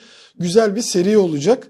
Ee, Türkiye'ye de anladığımız kadarıyla çok hızlı bir şekilde gelecek yani global lansmanından hemen sonra e, 11'indeki lansmanında göreceğiz. Burada Ben Türkiye şey global lansmanında hani o son sayfada Türkiye'den bir iki tane satıcının yine e, logolarının olacağını düşünüyorum. olur. Orada da kesin işte ya Trendyol bilmem ne falan Aynen. filan. Ya Trendyol ya hepsi burada ya başka bir yer. Ee, bu açıdan da e, güzel bir şey olacak ama şöyle bir taktik de görebiliriz. Ee, ben Türkiye cihazları ortaya çıktığında emin olacağım. Zaten Poco'ların Türkiye, Hindistan diye fark etmediği için. Ee, Poco X6 serisi Türkiye'de satışa çıktığında M6 Pro da dahil Redmi Note 13'lerin nasıl geleceğini anlayacağız. Ha okey bak bu güzel bir şey olabilir. Çünkü şey hikayesi oluyor yani. Bunu Xiaomi'nin genelde de yaptığını görüyoruz. Mesela Redmi Note 13 Pro Plus çıkmıyor globale. Yani Hindistan'a çıktı da global olarak çıkmıyor. Ama biz onu X6 Pro olarak e, Redmi Note 13 Pro Plus'ı görüyoruz. Öyle bir e, ayarlama da yapılabilir. O yüzden bir 11'indeki lansman yapılsın. E, en azından mesela Dimensity 8300 Ultra'yı kullanacağını burada açık açık yazmışlar. 7S Gen 2'yi de kullanacağını e, açıklamışlar. Bununla ilgili zaten kanalda Eren'in çektiği bir tane de Aynen, video var. tahmin O şeyiyle. videonun yorumlarından gördüğüm kadarıyla bu Snapdragon S2 Gen 2 konusunda Eren'in söylediklerini yanlış anlamaya meyilli bazı Poco. Hı? Evet o video. Eren'in çektiği video. Eren'in söylediklerini yanlış anlamaya meyilli bazı arkadaşlar var. Şimdi şöyle bir şey varsayıyorlarsa bence bunu hangi kanal için varsayıyorlarsa o kanalı takipten çıksınlar. Yani mesela Eren'in 7S Gen 2'yi bilmediğini, Eren'in 7 Gen, bu arada 7 Gen 7S Gen 2'yi e, o hep söylüyorum ya o işlemcili bir cihazı elimize almadan aslında o işlemcinin performansının nasıl olacağını tam olarak anlamamız mümkün değil. O ana kadar nasıl anlarız? Eğer o işlemcili bir cihaz dünyada çıktıysa güvenilir kaynaklarda onunla ilgili yapılan testlere bakarız anlarız. O işlemci üreten şirketin web sitesindeki özellikleri, verdiği Aynen. özelliklerine bakarak anlamaya çalışıyoruz filan. Eren'in eğer Snapdragon 7S Gen 2'yi bilmediğini, 7S Gen 2'yi bilmeden onunla şunun bilmem ne kıyaslamasını yaparak yanlış bir yere gittiğini düşünenler varsa takipten çıkmaları lazım kanalı. Yani o Çünkü burada önemli olan şöyle şey. Bak şimdi Aydoğan hiç kimse birbirini ka- kandırmasın. Biz yaptığımız iş gereği ve Türkiye'nin şartları gereği e, hani bu tabirden çok hoşlanmıyorum ama Müslüman mahallesinde salyangoz satıyoruz. Burada üretilmeyen bir işi, burada üretilmesi için gerekli know-how'ın 2024 yılında bile olmadığı bir işin dünyada yapıldığı halini alıyoruz ve Türk insanlarına anlatmaya çalışıyoruz. Mesela bak şimdi bazı forumlarda şurada burada filan biriyle mesela bizim katıl grubunda da var böyle arkadaşlar. İşlemcinin o diyorlar ki işte Samsung dökümhanesinde bak lafa bak dökümhane. Samsung dökümhanesinde yapıldı. Kalitesiz olur o filan gibi. Böyle firavunlar türüyor şeyde. Çünkü bilginin olmadığı yerde şeyler türer, hurafeler türer. Ve bilginin olmadığı yerde firavunlar, insanlar kendi kendilerine firavun ilan ederler böyle. Her bokunun iyisini ben biliyorum falan diye. Çok. Mesela girip sorsan sınava tutmak anlamında değil. Mesela şöyle sorsak işte bu Samsung dökümhanesi bilmem ne filan gibi e, havalı sözler edenlere. Mesela neyle ilgili olsun? Bu işte Snapdragon 8 Gen 1 ile ilgili olsun bu şeyimiz. Sen Snapdragon 8 Gen 1 ile ilgili toplam kaç saatlik bir araştırma yaptın desek ne diyecek biliyor musun? Ben araştırma yapmadım. Şu yavşayan şu tombin videosunu izledim diyecek. O öyle diyor. O öyle diyor diyecek çünkü. Ama işler öyle dönmüyor arkadaşlar. Yani biz Müslüman mahallesinde salyangoz sattığımız için bu teknolojiler bu coğrafyada yetişmediği için iki türlü bilgi alma yöntemimiz var. Ne yazık ki. Birincisi deneyimleyerek, kendi deneyimlerimizden yola çıkarak sizlere kendi kıyaslamamızı anlatmak. İkincisi de okuyarak. Bunun dışında başka bir hikaye yok. Aynen öyle. Okumaktan kastı da okuyacaksın, izleyeceksin. İzlediklerinin, dinlediklerinin arasındaki farkı bulmaya çalışacaksın. Ee, bugün dünyadaki tüm teknoloji şirketleri ama öyle ama böyle karşılaştırmalı kıyaslamalar yapıyorlar. Bu karşılaştırmalı kıyaslama yaparken kendilerini ne kadar yonttuklarını anlamaya çalışacaksın filan filan. Öyle bilgi vereceksin. Yoksa eğer Türkiye'de mesela ben bazen şöyle yorumlar görüyorum ya bizim videoların altında da sosyal medyada da ben çok iyisini yaparım bu işin diyor birisi. Herhangi bir konuyla ilgili. E pezevenk kalk yap o zaman. Yani senin yapmanı engelli. Bak şimdi bunu hep anlatıyoruz. Gazete çıkartmak, dergi çıkartmak çok zordu. WordPress dediğimiz şey 2000 galiba 2'de ya da 2003'te kullanılmaya başladığı zaman New York Times filan bunu bir devrim olarak Evet. şey yaptılar, yorumladılar. Çünkü neydi biliyor musun? Bir insanın web tasarımcısına, sunucuya, internet teknolojiye hiçbir şeye ihtiyacı olmadan kendi başına içerik üretebilmesine imkan tanıyordu. 2-3 tane tuşa basarak. Bir tane template seçip yaparak. Ve bu yayıncılıkta farklı bir boyut açtı. Şu anda geldiğimiz noktada hani o malum kişinin bir tripoda bir kamerayı yenileceksiniz hikayesiyle birlikte bu işleri yapmak çok kolay. Yani Aydoğan'la Ersin'in Cuma raporunu izlemek zorunda değilsin. Sen kendin çek kardeşim Cuma raporunu. Eğer daha iyisini söyleyeceğine, daha doğrusunu söyleyeceğine inanıyorsan. Yani. Senin söylediklerini insanların dinleyeceğine inanıyorsan. Ha, senin söylediklerini insanların dinlemeyeceğini düşünüyorsan bak videonun başında anlattık. Bazı şeyleri köpürterek aman bir tık daha fazla alalım diye türlü yavşaklıklar yapan 50 milyon tane adam var zaten. Sen de yaparsın öyle bir şeyler. Dert değil bunlar. Bugünün dünyasında bunlar dert değil. Bunlar unutuluyor zaten. Hiç Çok. kimsenin kara, kara, şeyine, kara kaplı defterine yazılmıyor bu hikayeler. Ama şuna da saygı duymak lazım. Şimdi burası bizim bu şirketi kurduğumuz günden beri nasıl isimlendiriyoruz Aydoğan? Biz bir yayın evi izliyoruz Evet. değil mi? En başından beri. Yani EMY Medya'yı kurduğumuz günden beri. Bize siz ne yaparsınız diye sorduklarını, ne Yayıncılık. yapacaksınız dediler. Yayıncılık yapacağız dedik. Dedik ki platform bağımsız bir yayın şirketi, yayıncılık şirketi izledik mesela ilk başta. Ne demek o dediler. E, web sitesi, dergi, gazete, e, online bilmem ne. Bunların hepsini yapabilecek kabiliyette izledik. Şimdi ne diyoruz sordukları zaman? İnternet yayıncılığı yapıyoruz diyoruz. Ağırlıklı olarak YouTube yayıncılığı yapıyoruz diyoruz. Şimdi yayıncılık yapan bir şirkette çalışan bir adamın da bir şeyi senden daha iyi bilmesini kabul et kardeşim. Ha kabul etmiyorsun. Sen yap aynısını o zaman. Doğru. Sen yap aynısını o zaman. Bak buraya sizin görüşünüze gelen insanların bir kısmı kendi videolarını izledikleri zaman abi çok kötü ya bu videoyu silelim diyorlar. Buraya sizin görüşünüz için gelen çocukların bir kısmı videoda o kadar çok takılıp takılıyorlar ki kendilerinden o kadar memnun kalmıyorlar ki ondan sonrasında biliyorsunuz sistemin zaten katılan arkadaşlar da beni onaylarlar. Biz buradan giden herkese diyoruz ki cihazla ilgili çektiğin videoları, çektiğin fotoğrafları bize bir kısmı paylaşmıyor. O paylaşmayanların videolarını yayınlamıyoruz. Niye paylaşmıyor? Videosu yayınlanmasın diye puylaşmıyor bu videoları. Yani bu iş o kadar kolay bir hikaye değil. Evet temelde bir tripod, bir kameraya ihtiyacın var. Ama yani öyle hani 7S Gen 2 ile ilgili Dalya Tekin'in YouTube kanalında bir şeyler izledin diye o kadar çok atıp tutacağım bir mevzuda değil. Niye diye biliyor musun?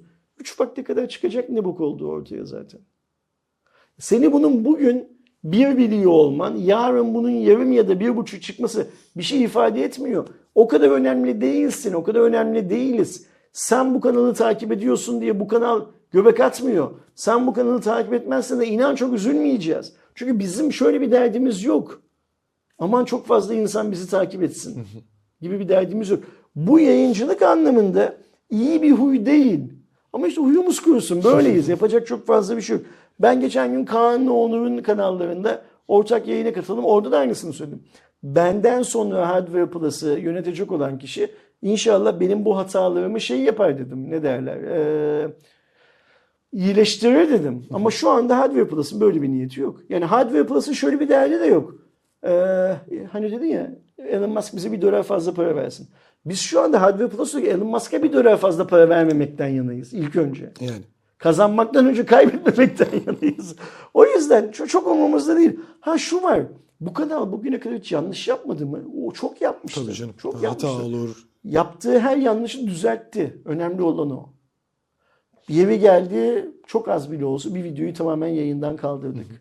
Yeri geldi bir videonun içinden bir kısmı. YouTube bize o imkanı tanıdığı zaman ilk başlarda yoktu böyle imkanlarımız. Sildik. Ee, benim videolarımda çok oluyor. Ben bir şeyleri unutuyorum, yanlış söylüyorum. Hatta hatırlarsan Kerem'le aramızda şeydi bu. E, espri konusuydu. Ben de işte daha bu listelerde mesela fiyat noktasında gidip şeyi A54'ü 15 bin liralık olan telefonu listeyi hazırlarken artık bir yerde bir şeyde hata yapmışım. 11 bin lira olarak not almışım. E eleştiriler. O kısmı sağ olsun Eren mesela şeyden işte dediği gibi YouTube'dan kırptı. E tamam şey değil. Oluyor yani. Ben birçok şeyi isimleri birbiriyle karıştırıyorum ama ben normal dünyadaki insanların da isimlerini birbirleriyle karıştırıyorum. Yani tamamen yaşlılıkla alakalı değil, bunamayla alakalı değil. Onu söylemeye çalışıyorum. Yani ben mesela Kerem'le video çekerken işte iPhone 9'a iPhone 11, o iPhone 12 falan diyebiliyordum. Çünkü o günlerde biz Redmi Note bilmem neden bahsediyorduk daha çok. Ağzımdan çıkıyor. Böyle hatalar olur. Ee, ve biz böyle hataları yapıyoruz. Biz böyle hataları büyük yapmaya da devam edeceğiz. Ee, ama yani hani 7S Gen 2'nin özelliklerini bilmediğini düşünmek ya da mesela bugün senin çektiğin videodan birisinin altına şey gelmiş. Bu liste videosunu galiba bir öncekinin. Reklam diyor bu video diyor. Mesela bir liste videosu nasıl reklam olur? Yani eğer böyle bir reklam alabilecek insan arkadaş varsa aramızda bana CV'sini göndersin işe alalım. Yani Aydoğan'ın herhangi bir liste videosunu bir yere satabileceğine inanan, buradan para kazanabileceğine inanan birisi varsa benimle kontak kursun. Biz sabah akşam liste videosu yayınlayalım. O da satsın bunların hepsini zengin olalım bu Evet. işten. Ben Yani düşünsene senin bir liste görmedim. videonda atıyorum 10 tane telefon olsa en az 5 tane farklı marka var. Bu 5 farklı markayı kime satabilirsin? Böyle bir bir marka diğerlerinin olmasını ister mi? Yani? Böyle bir yetisi olan arkadaşımız varsa, kendisine çok güvenen arkadaşımız var. Hatta bak şöyle söyleyeyim. ee, o gelsin, bu videoları satsın. Paranın büyük kısmı onun olsun. Biz küçük kısmını alalım emeğe medya olarak. Yani. Daha açık bir çek verebilir miyim herhangi birisine? Ama yani bunlar komik şeyler tabii ki. Hani bu video e, reklam amaçlı çekilmiş bir video. Ulan gerizekalı reklam amaçlı çekilmiş videoların başında mavi ekran ve bu, ve bu, bu bir advertorial ibaresi oluyor zaten. Bunu görmüyorsan bu bir reklam videosu değildir. İş bu kadar basit. Hadi geç bir sonraki haberine. Benim en merak ettiğim haber bu. Önce sana bir ver sonra konuşalım. Bildiğiniz gibi TOK geçtiğimiz yıl bir çekilişle e, insanlara gitmişti ve hatta şöyle de bir durum var. Hani ben de onu tam çözemedim. Şey çıktığında da aşağıda da konuşmuştuk. E, 2023 yılında işte tam 20 bin sınırında satış yaparak hedefimize ulaştık dediler. İlk hedef 20 bindi doğru ama en son ben gittiğimde bizzat Gürcan Bey'in açıkladığı da 28 bindi.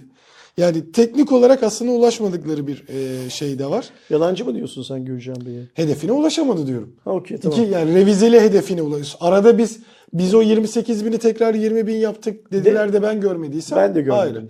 Ayrıca şöyle bir şey var. Konuya şuradan başlayalım. Biz geçen hafta Cuma raporunda bunu konuşurken dedik ki TOG'un bugün şunları şunları açıklaması gerekiyordu dedik değil mi? Ayın son iş günüydü.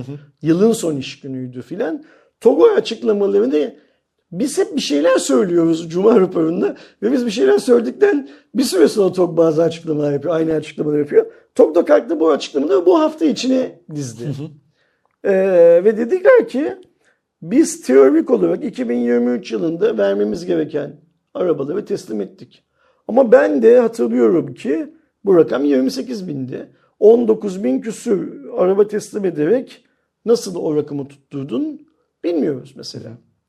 Herhalde bunu o TOG'un yanında yamacında dolaşan o sünepe gazeteciler, sünepe influencerlar falan değildi. Emre falan gibi adamlar yazıp soracaklardı büyük bir ihtimalle köşelerinde.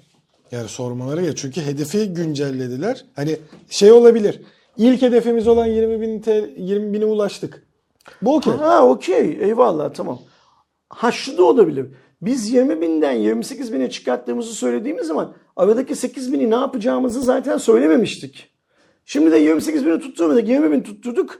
Ortada şey de olabilir, kayıp da yok kazanç da yok diyebilirler yani. Şey de olabilir. O 8 bini kamuya gidendir. 20 bin insana teslim Okey öyle açıklasınlar o zaman. O zaman tutturduk olur. ta en başından öyle açıklasınlar. Yani se- senin de gittiğin basın toplantısında e, rakamı 20 binden 28 bine revize ediyoruz dediği zaman desin ki aradaki 8 binde işte kamuya olan re- rezervi karşılayacağız desin mesela.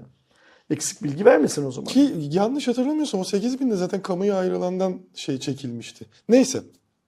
Son gelen açıklama ise e, 2024 yılında bildiğiniz gibi e, verdikleri sözlerden biri satışa çıkmasıydı herkese.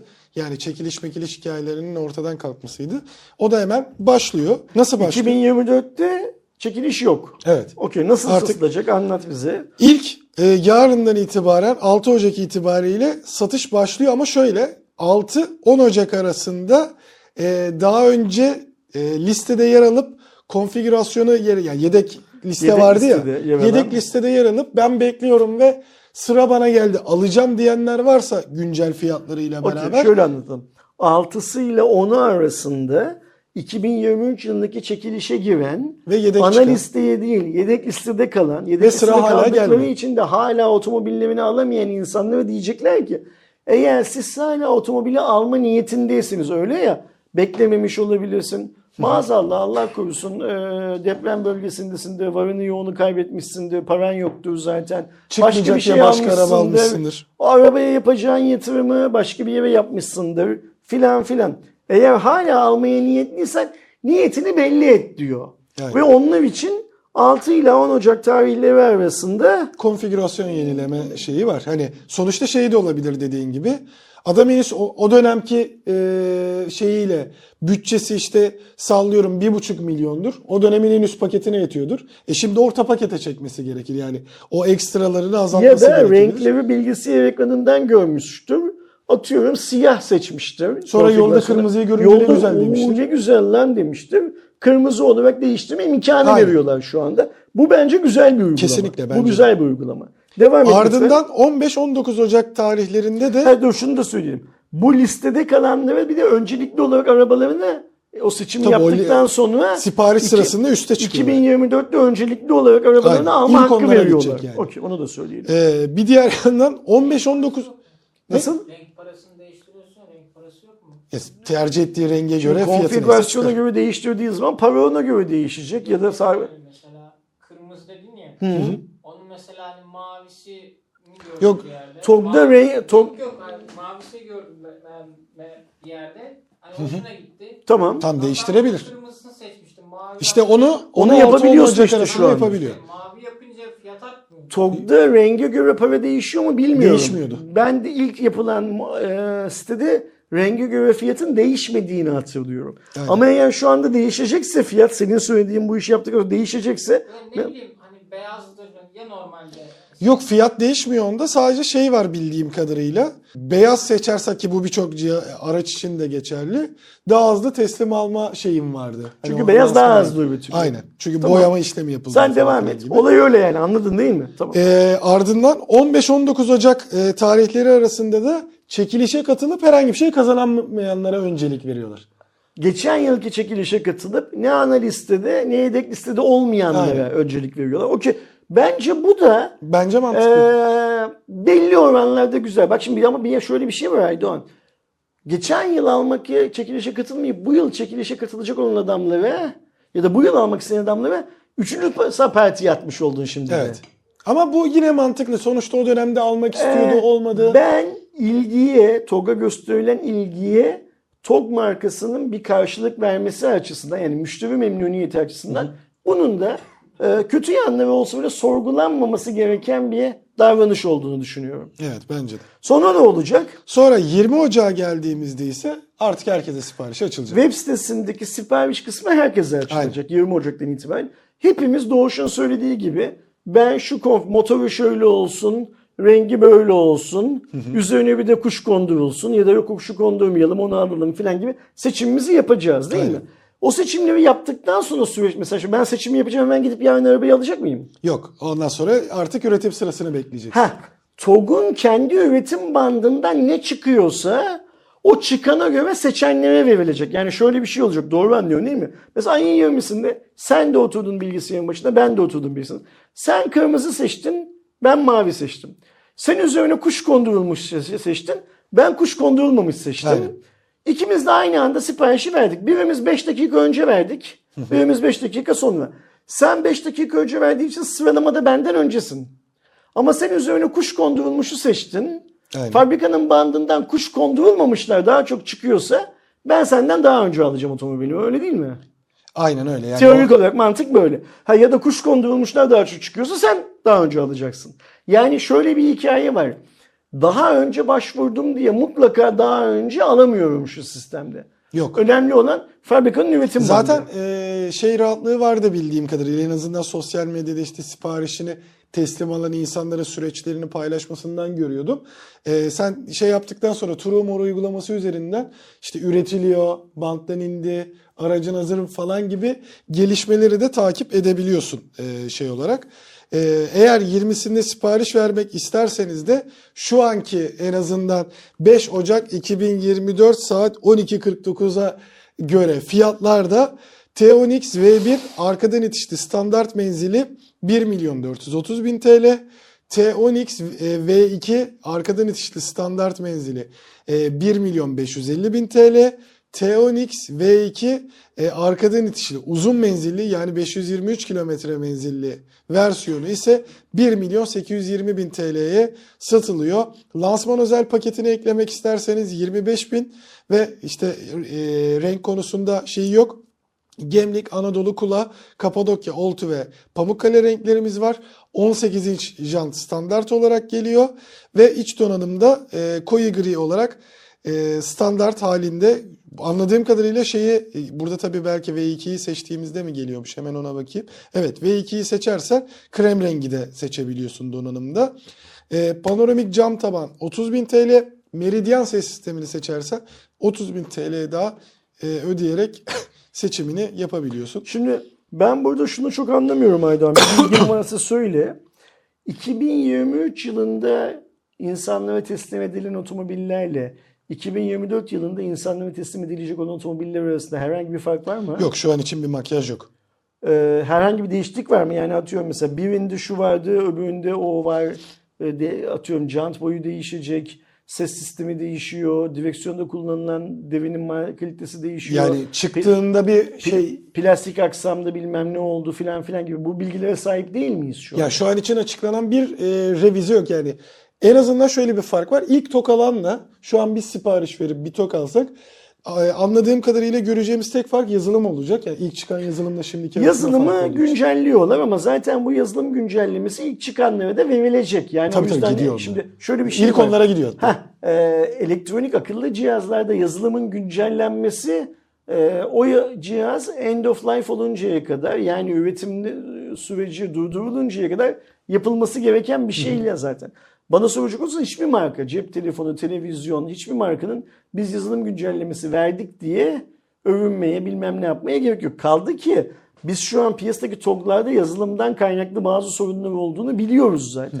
Siz o yüzden bu yazılım güncellemesini o arkadaşlara daha önce vermiş olmanız lazım. Çünkü onların bazıları bazı sorunlarla zaten boğuşuyorlar. Zaten şey oluyorlar yani şimdiye kadar en az e, ona yakın güncelleme aldı araçlar benim de İşte sosyal medyadan. şimdi dönüp şeye bakmak lazım. O hani benim ekranım karardı, benim bilmem ne oldu diyen arkadaşımın bu sorunlara geçti mi bu yazılımlar sayesinde? Bunlar yazılım güncellemesi demek aslında yani bizim şu anda gördüğümüz yazılım güncellemeleri eksik olan bazı şeylerin Bug fix dediğimiz. tamamlanması Şöyle. aslında. Yoksa yani güncelleme geliyor da TOG uçmaya başlamıyor. Ha Çok- şey farklılığı olabilir. Bunu hep e, araç yani diğer otomobil üretiminde de görüyoruz senin dediğin gibi. Mesela sallıyorum.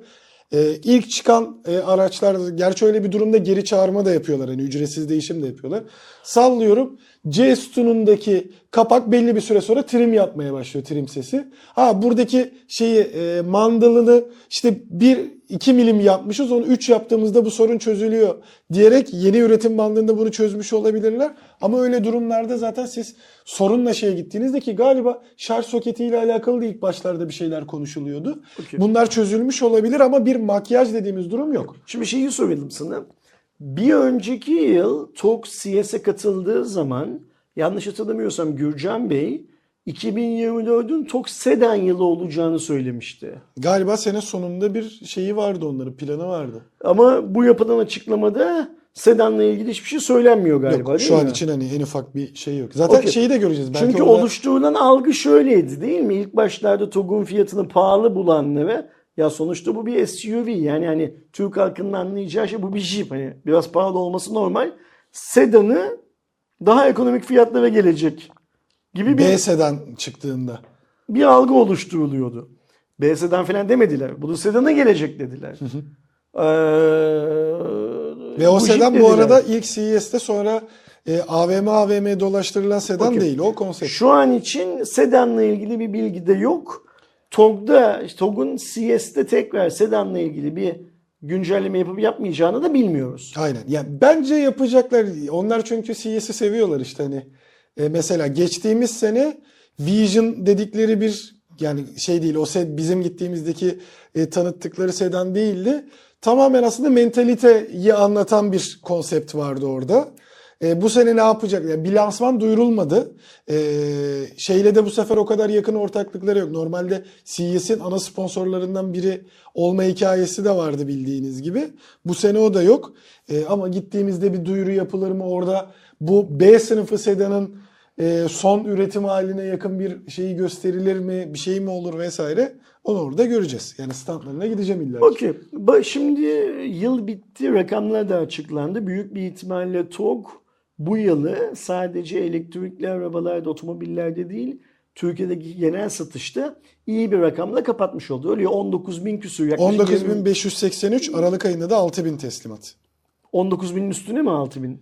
Sadece hayır. Aralık ayında 6 bin. Yani. Aralık bittiğinde Yani her ay 6 bin e, cihaz teslim edebiliyor duruma gelseler, gelmişler yani şu anda.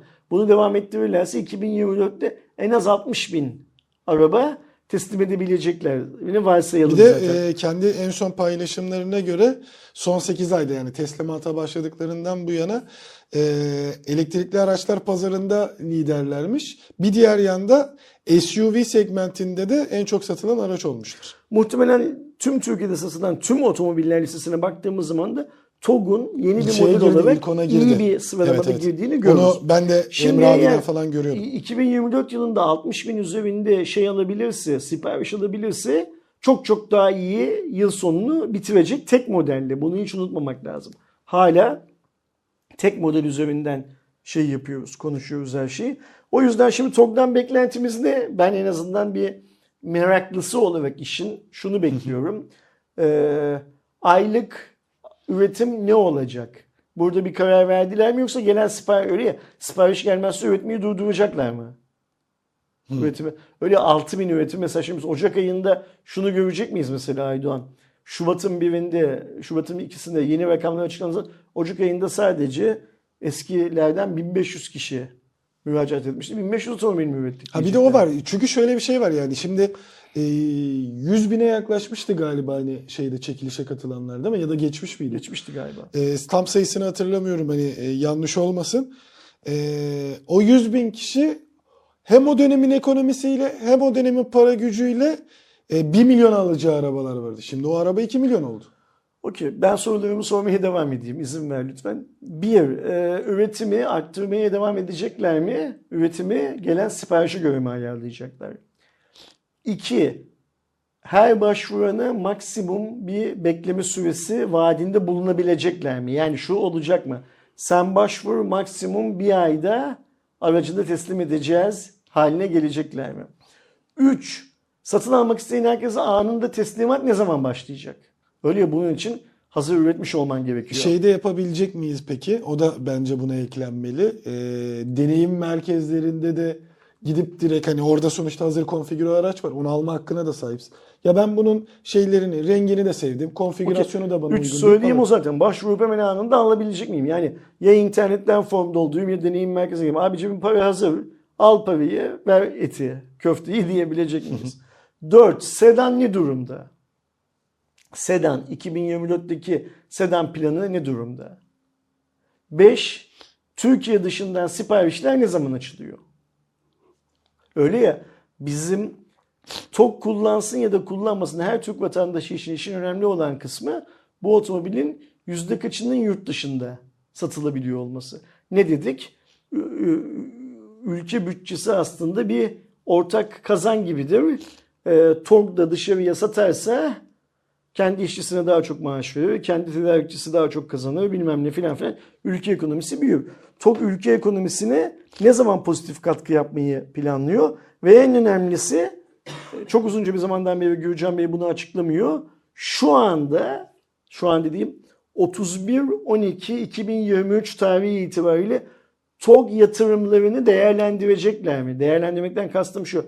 Ne kadar kamunun yatırımı var? TOG'un o 5 tane cengaver sahibi ne kadar yatırdı? Ve bu yola çıktıklarında ilk duyurdukları planın üstünde mi altında mı? Yani TOG kamu yatırımı bizim en son duyduğumuz rakamlarda kamu yatırımı TOG'un sahibi olan özel şirketlerin yaptığı yatırımın çok üstündeydi. Aradaki maaş kapandı mı? Aradaki maaş kapandıysa ya da ne kadar kapandı? Planlanandan daha mı çok kapandı, daha mı az kapandı? Yani kamu hala TOG'a yatırım yapmaya devam ediyor mu? Bu, bu araçların insanlara erişiminde senin benim ödediğimiz vergilerle ortaya çıkan değer hala kullanılıyor mu? Kullanılmıyor mu? Aynen. Bunu da bilmemiz lazım. Yani 6 tane konuda TOG'dan haber bekliyoruz. Buradan Gürcan Bey'e söyleyelim. Önümüzdeki haftada bunlarla ilgili açıklamalar yaparlarsa çok seviniriz. Ki- Cuma raporunda paylaşırız. Şeyi de hemen ekleyeyim hadi e, SUV'lerden falan filan da bahsedince e, Emre Özpeynirci zaten paylaşmış yani 2023 yılı değerlerini. E, 2023 yılının en çok satan SUV'si Egea Cross'muş. 41 bin adet satmış. Güzel. İkinci sırada Duster var. E, 24 bin satmış. Üçüncü sırada Tok T-Onix e, V2 var. Yani Bunlar toplam- elektrikli olanlar değil. Bunlar genel klasman. bütün hepsi. Elektrikli de zaten birinci oluyor TOK. E, 19.583. E, sonra 3008, 2008 Bayon, Qashqai, Mokka, T-Roc diye devam ediyor. TOG'un SUV'deki Türkiye'deki pazar payı bütün e, SUV'ler arasında %3,96. Bu çok güzel oranlar bunlar. Evet. Yani kesinlikle iyi bir yere şey yapmış. Hatta burada şeyi de ekleyelim hadi. E, o da çok konuşulduğu için. Model Y 12.150 satarak %2,46. E, Chery'lerde e, Omada 5 Tiggo 7 Pro ve 8 Pro ile de bayağı sağlam satışlara ulaşmışlar diyelim. Ve e, önünüzde bir Windows bilgisayar varsa bu laptopta olabilir, masaüstü de olabilir. E, klavyenizin genelde kontrolün ya da altın yanında bir 4 tane pencereden oluşan Windows tuşu yer aldığını görürsünüz. Windows bunu önümüzdeki sene değiştireceğini duyurdu.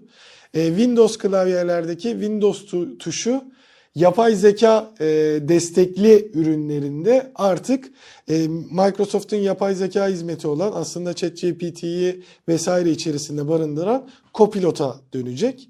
E, burada artık şeyi de çok net anlıyoruz. Biz zaten birçok cuma raporunda e, yapay zeka ile konuştuğumuzda Ersin abiyle konuştuk. 2024 yılı ciddi manada yapay zeka noktasında şey olacak ve CES'te de zaten bunun e, ilk örneklerini görmeye başlayacağız laptop kanadında yani. MSI'ın da orada e, belli başlı duyuruları Asus'un da olacak. Yapay zeka teknoloji dünyasında yeni bir pazarı açıyor. Evet. İnsanlar muazzam harcamalar yapacaklar. Bunları şöyle söylemiyorum. Ahmet'i ara, işte ödevimi ChatGPT yazsın falan anlamında değil. Yapay zeka hayatımıza daha çok girdiği aşamada insanlar daha çok şey yapacaklar, harcama yapacak. Yani bu o evdeki akıllı süpürgeden de airfryer'dan da daha önemli bir şey olarak Evet. hayatımıza giriyor. Keza mesela tahminimize göre bu Copilot'ta Microsoft ücretsiz sunduğu bir şey olmayacak. Microsoft da buradan para kazanmaya Yani çalışacak. belki onun premiumunu falan filan bir şey çıkartır mı onu göreceğiz. Ya şu an için en azından ücretsiz şey olarak. Ama işte bir şekilde ücretliye döndürecek büyük bir Ya ihtimalle. şeyi yapar yani Microsoft 3 yani ya da şöyle yapar. Ee, Microsoft 365 içerisinde Copilot'a ekstra özellikler ekler. Be- belki Ya- ya da- erken erişim falan ya, gibi ya- şeyler. Ya da bir şeyler yapacak orada.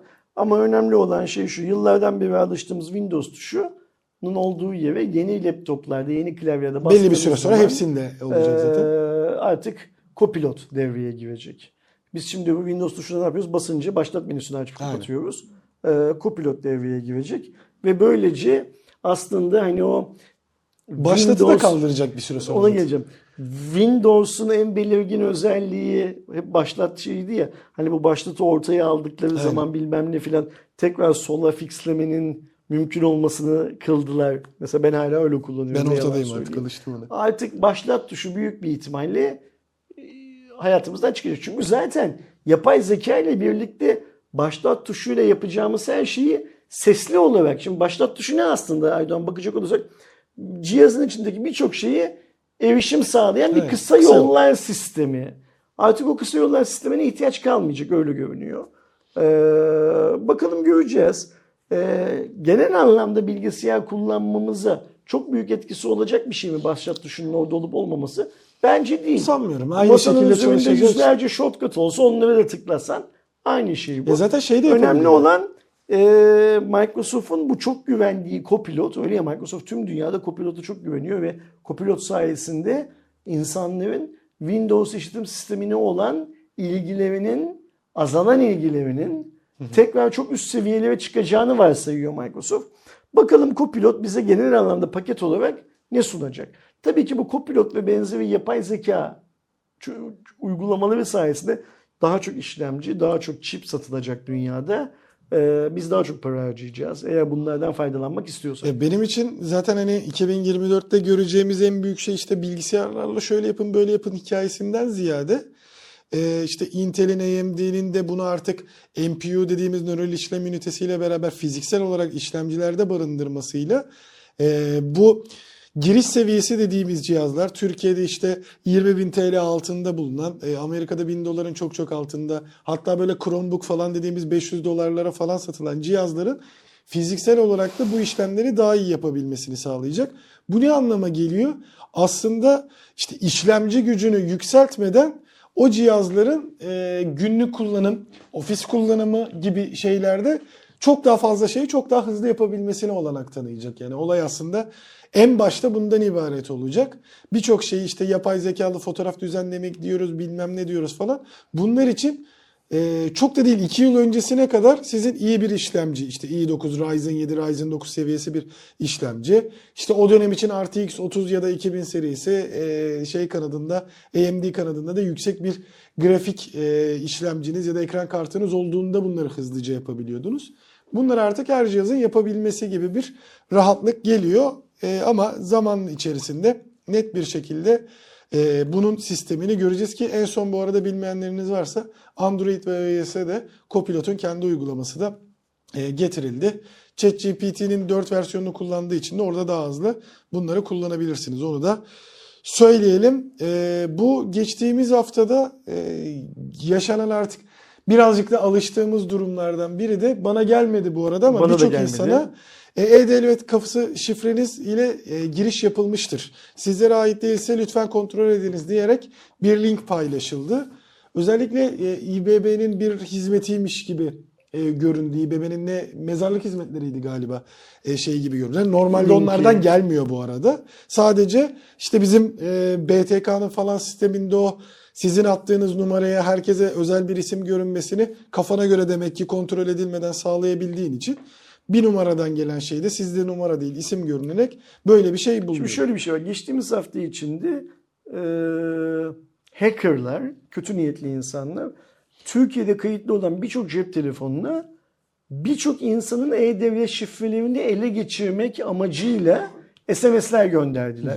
Ve bu da aynen sahibinden bana soracak olursanız sahibinden.com'un e, ulaşılamamasından daha önemli bir haber bu. Kesinlikle. Ama Türkiye'de sahibinden.com'un konuşulduğu kadar konuşulmadı. E çünkü şey dedi yani büyük ihtimalle bu hackerlara da şey demişlerdir. Büyük ihtimalle bunlar fakir hacker demişlerdir. Yani şeye girse Deep Web'e girse orada zaten bütün bilgilerimizi görecek. Ne ya da belki bazı bilgileri otantik etmek Aynen. için yapıldı bu. Yani artı bir doğ- şey doğrulamak için yani. yapıldı. Biz Aynen şunu öyle. şuradan aldık, buradan aldık. Bak biz de SMS atıp ona ha belki zaten elindeki numaraları oradan almış Şimdi olabilir. oraya geleceğim. Ee, sosyal medyadan anladığımız kadarıyla sana bana gelmedi bu ama demek ki bizim donumuzun rengine kadar biliyorlar. Bize göndermelerine gerek şey yapmadılar, görmediler.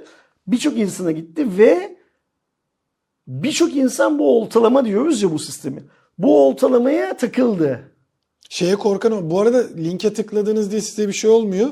Link açıldığında size işte hani e-devlet şifresi sıfırlama ekranı gibi bir ekran yapmışlar anladığım Gerçek kadarıyla. ekran var orada bir tane. Ya gerçek değil mi? Ya gerçek görünen Aynen. bir ekran var. Eğer oraya bilgilerinizi yazdıysanız geçmiş olsun oluyor durum. Şimdi- Yazmadıysanız bir problem yok. Ee, bu olayın üzerine çok konuşmak lazım. Şöyle çok konuşmak lazım.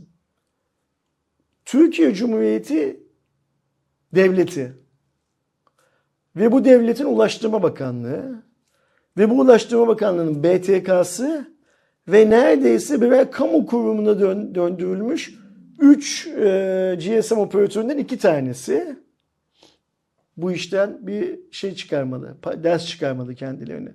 Öyle ya, bugüne kadar sana bana gelen o bahis SMS'leri şunlar bunlar filan. Ha bu arada şunu söyleyelim. Aydoğan'ın telefonunda da bende de spam kontrolümüz açık. İkimiz de girip spam klasörümüze baktık. Orada da yok bu SMS'ler. Gelmemiş. Yani bana hala bahis bilmem ne işte porno sitelerinin linkleri beni dolandırmak için askerim, jandarmayım bilmem neyim filan diye SMS gönderen düzenli şeyler filan onlar var. Orada bir yazılma yok. Burada söylemeye çalıştığım şey şu. Bu kadar toplu bir gönderim yapıldı. Bu gönderim Türkiye'den mi yapıldı, yurt dışından mı yapıldı? Bu gönderimde paylaşılan link, web sitesi nerede tutuluyor? Bu web sitesinin sahibi kim? Bu gönderimin yapıldığı cep telefonu numaralarına nasıl erişildi? Bu gönderim yapıldıktan sonra bu fişlemeye, şey, e, oltalamaya e, maruz kalan insanların hangi bilgileri alınıp e-devlet üzerinde ikinci bir session yani öyle ya. Mesela diyelim ki benim anneme gitti bu SMS. Kadın girdi e-devlet şifresini kaptırdı. Sonra çıktı e-devletten. O çıktıktan sonra sisteme bir login oldu mu? O login'lar hangi işlemi yaptı? Hangi sayfayı kontrol etti? Hangi ekstra bilgiyi aldı? Filan gibi şeylerin çok titizlikle incelenmesi lazım Aydan. Çünkü bu bizim Türkiye'de bugüne kadar yaşadığımız galiba en büyük oltalama faaliyeti. Bundan Ve açık önceki- açık ya. Açık açık. Bundan öncekiler yani o bahisti bilmem neydi filan bunun yanında şey kalıyorlar. Ee, yarı amatör kalıyorlar. Şöyle yarı amatör kalıyorlar.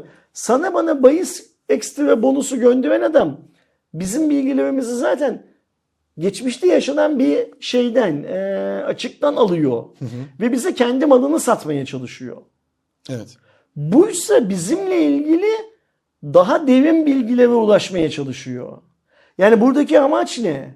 Bunu anlaması lazım yetkililerin. Ve o amacı önleyecek tedbirler hemen inşa etmeleri lazım. Yani mesela şu mu bilmiyorum. Bazı insanlar diyor ki işte e, Aydoğan ben bu işleri çok bilmiyorum. Belki sen biliyorsundur. Bir mülkün varsa yani tarla, ev filan filan bunun satışı için e, üçüncü kişiler bu satışı yapamaz, yapabilir. Vekalet verdim, vermedim hikayesi için E-Devlet'ten kapatıp açabiliyormuşsun o izni. Yani şunu söylemeye çalışıyorum. Ben çok yaşlıyım. Satışı gerçekleştiremem. Benim yerime Aydoğan halletsin bu işi diye vekalet verdiğimde ben Aydoğan'a Türkiye'nin herhangi bir yerindeki tüm mülklerim ya da tek bir mülküm için bir süre sonra satış gerçekleşti gerçekleşmedi. E-Devlet'ten girip satış anında ben orada yoksam satış gerçekleşmesin diye bir komut verebiliyormuşsun mesela. Acaba amaç bu mu? Yani insanların sahip oldukları atadan kalma Anadolu'nun bir yerindeki bir evi bir arsayı onlardan habersiz. Çünkü biz şunu çok net biliyoruz. Bu e, vekaleten yapılan satışlarda mülk sahibinin orada olup olmaması e, seçeneği E-Devlet'e koyuluncaya kadar sahte vekaletlerle çok fazla dolandırıcılık yapılmış bu ülkede.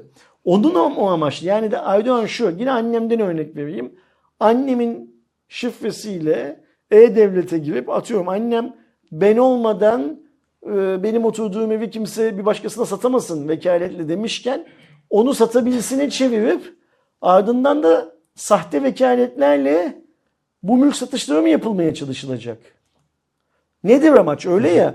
Burada e, bir başka bilgi toplama yöntemi çalışıyor. Hatta bak şu bile olabilir. Sana bana gelmedi diyoruz ya.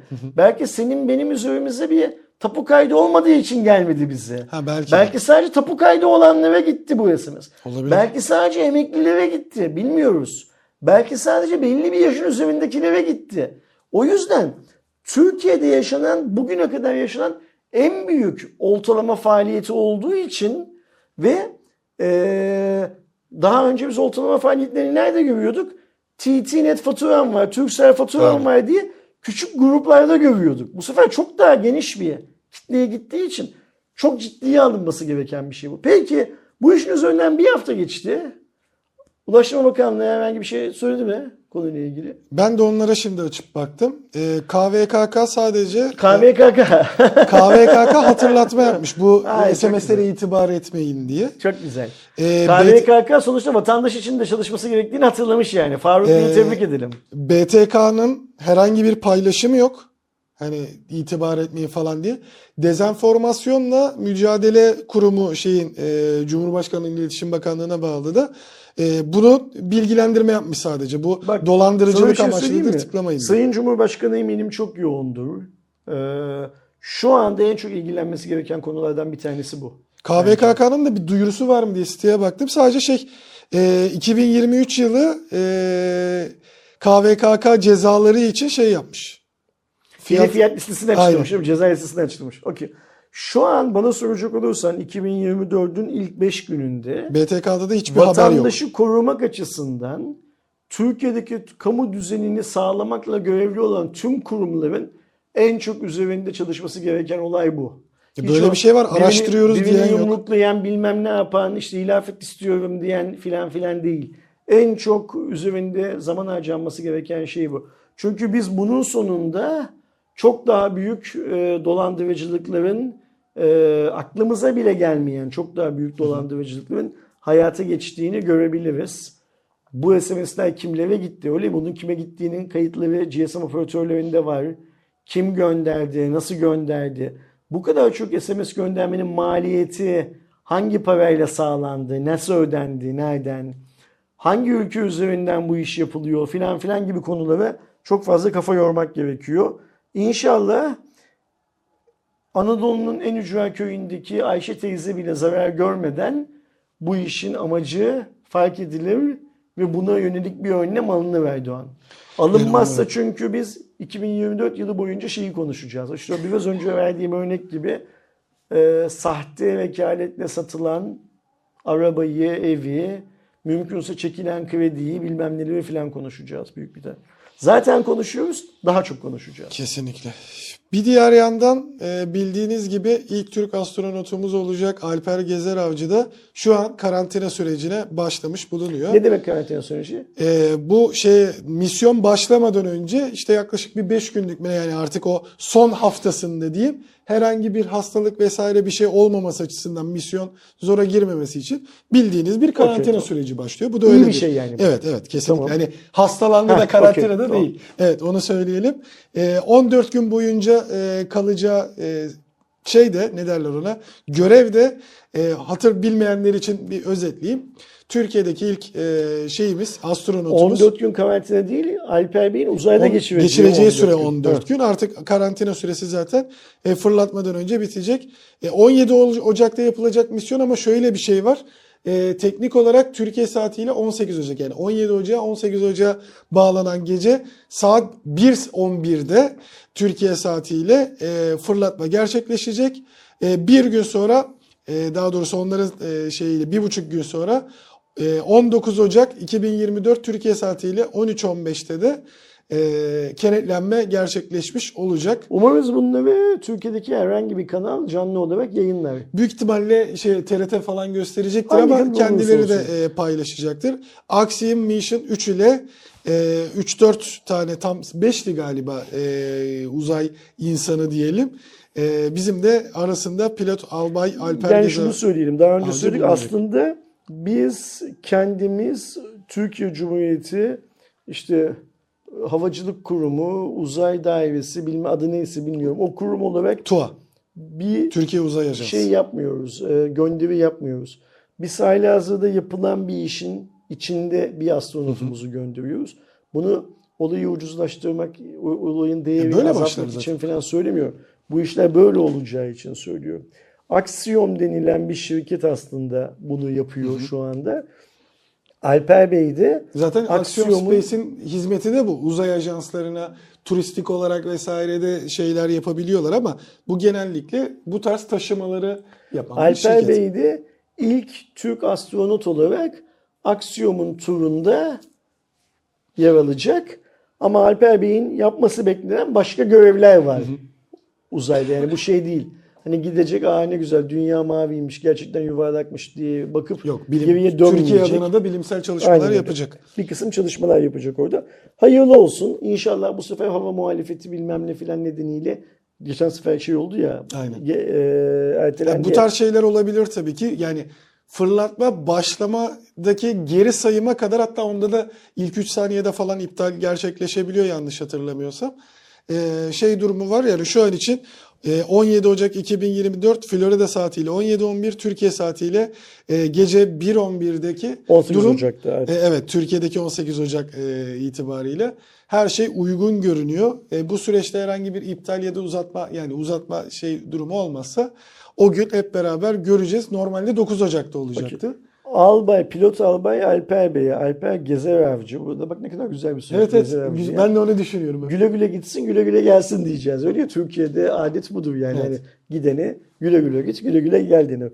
Aynı zamanda Aydoğan Aykanat'a da güle güle gitsin, güle güle gelsin diyeceğiz. Yani tam Alper Bey uzaya gidiyor, Aydo da Vegas'a gidiyor. Aynı süreye de gidiyoruz Ee, neredeyse. ona da güle güle git, güle güle gelsin. E, zaten diye. şey de var. e, onu da hatırlatmak lazım. Bu güzel bir e, başlangıç tabii ki. Hani en azından e, Uluslararası Uzay İstasyonu İSS'de bir e, kendi görevlimizin iki haftalık bir sürede olsa iki haftayla başlar. Sonra bir yıl olur bilmem ne olur. Oradaki ekip değişir. Ama e, biz uzay görevlerimizde de tabii ki arada bir örneğin geçtiğimiz sene yaşanan deprem gibi farklı farklı felaketler olsa da e, Cumhurbaşkanı'nın e, açıkladığı misyonla biz 2023'te e, ilk başta sert sonra yumuşak ya da tam tersiydi galiba. Bir aya iniş hedefi vardı. E, onu tutturamadığımızı görüyoruz. Şimdi Türkiye Uzay Ajansı'nın yeni başkanı e, bizim tanıdığımız bir insan. E, ona da hayırlı olsun diyelim. Kendisi de göreve yeni geldi zaten. Eskiden Türk Telekom'da çalışıyordu. Türk Telekom'daki görevinden ayrıldı ve e, Uzay Ajansı'nın başkanı oldu. Ben kendisine de şey yaptım ne derler ilettim daha önce Yusuf Bey'e. E, kendisini de burada stüdyomuzda ağırlayıp yolu bir İstanbul'a düştüğü zaman Türkiye Uzay Ajansı ne yapıyor, ne ediyor Evet o bilgiler verirse çok güzel bir olur. şey yapmak isteriz. Ha programı çok yoğundur işte bu tarz aktiviteler yüzünden. Bizi Ankara'ya davet ederse zamanı Ankara'da uygunsa gider Ankara'da da şey yaparız ne derler. Ee, misyon neydi, ne oldu, bundan sonraki bu senin söylediğin aya iniş planı vesaire vesaire bunlar nedir? Kendisinin ağzından izleyenlerimizle paylaşmak tabii ki isteriz. Bu ayrı mevzu. Ama hem Türkiye Cumhuriyeti Devleti'ne hayırlı olsun hem vatandaşa hayırlı olsun. Uzaya gitmek evet bir hayal. O hayal en sonunda gerçekleşiyor. Ay'a inmek birçok insanın günümüzde artık e, uzay e, çalışmaları açısından ekstra bir fayda sağlamayacağı için yapılmadığı söylenen bir aktivite Ay'a inmek. Ee, adım adım yapılacaksa yapılsın. Ya da Türkiye Cumhuriyeti Devleti'nin vatandaşları tü- Ay'a bir Türk inerse, rahat edeceklerse insin bir an önce. Ama ne olursa olsun işte Al- Alper Bey'e güle güle git güle güle gel diyeceğiz. Kazasız belasız. E, bir diğer yandan meraklıları için de söyleyelim. PTT'de özel bir hani şey e, koleksiyonluk posta pulu da taza- tasarlamış. Türkiye'nin ilk uzay misyonu diye. Süper güzel. Bakalım 17 Ocak'ta e, daha Ayda- doğrusu e, Türkiye ta- saatiyle 18 Ocak'ta misyonu hep beraber Söylediğim takip gibi ederiz. sen de güle güle git güle güle gel kazasız belasız. Amin. Ee, Alpay, A- A- Alper. Albay, Alper Bey de güle güle gitsin güle güle gitsin gelsin. Kazasız belasız kızım tabii ki onun işinde çok daha önemli. Hani Kesinlikle. en ufak bir sorun olmadan gitsin gelsin. Önümüzdeki hafta 293. Cuma raporunda sen burada yoksun. Büyük ben dönüş ihtimalle yolunda olacağım. Sen dönüş yolunda olursun. Ee, Alper Bey daha gitmemiş olacak. Evet.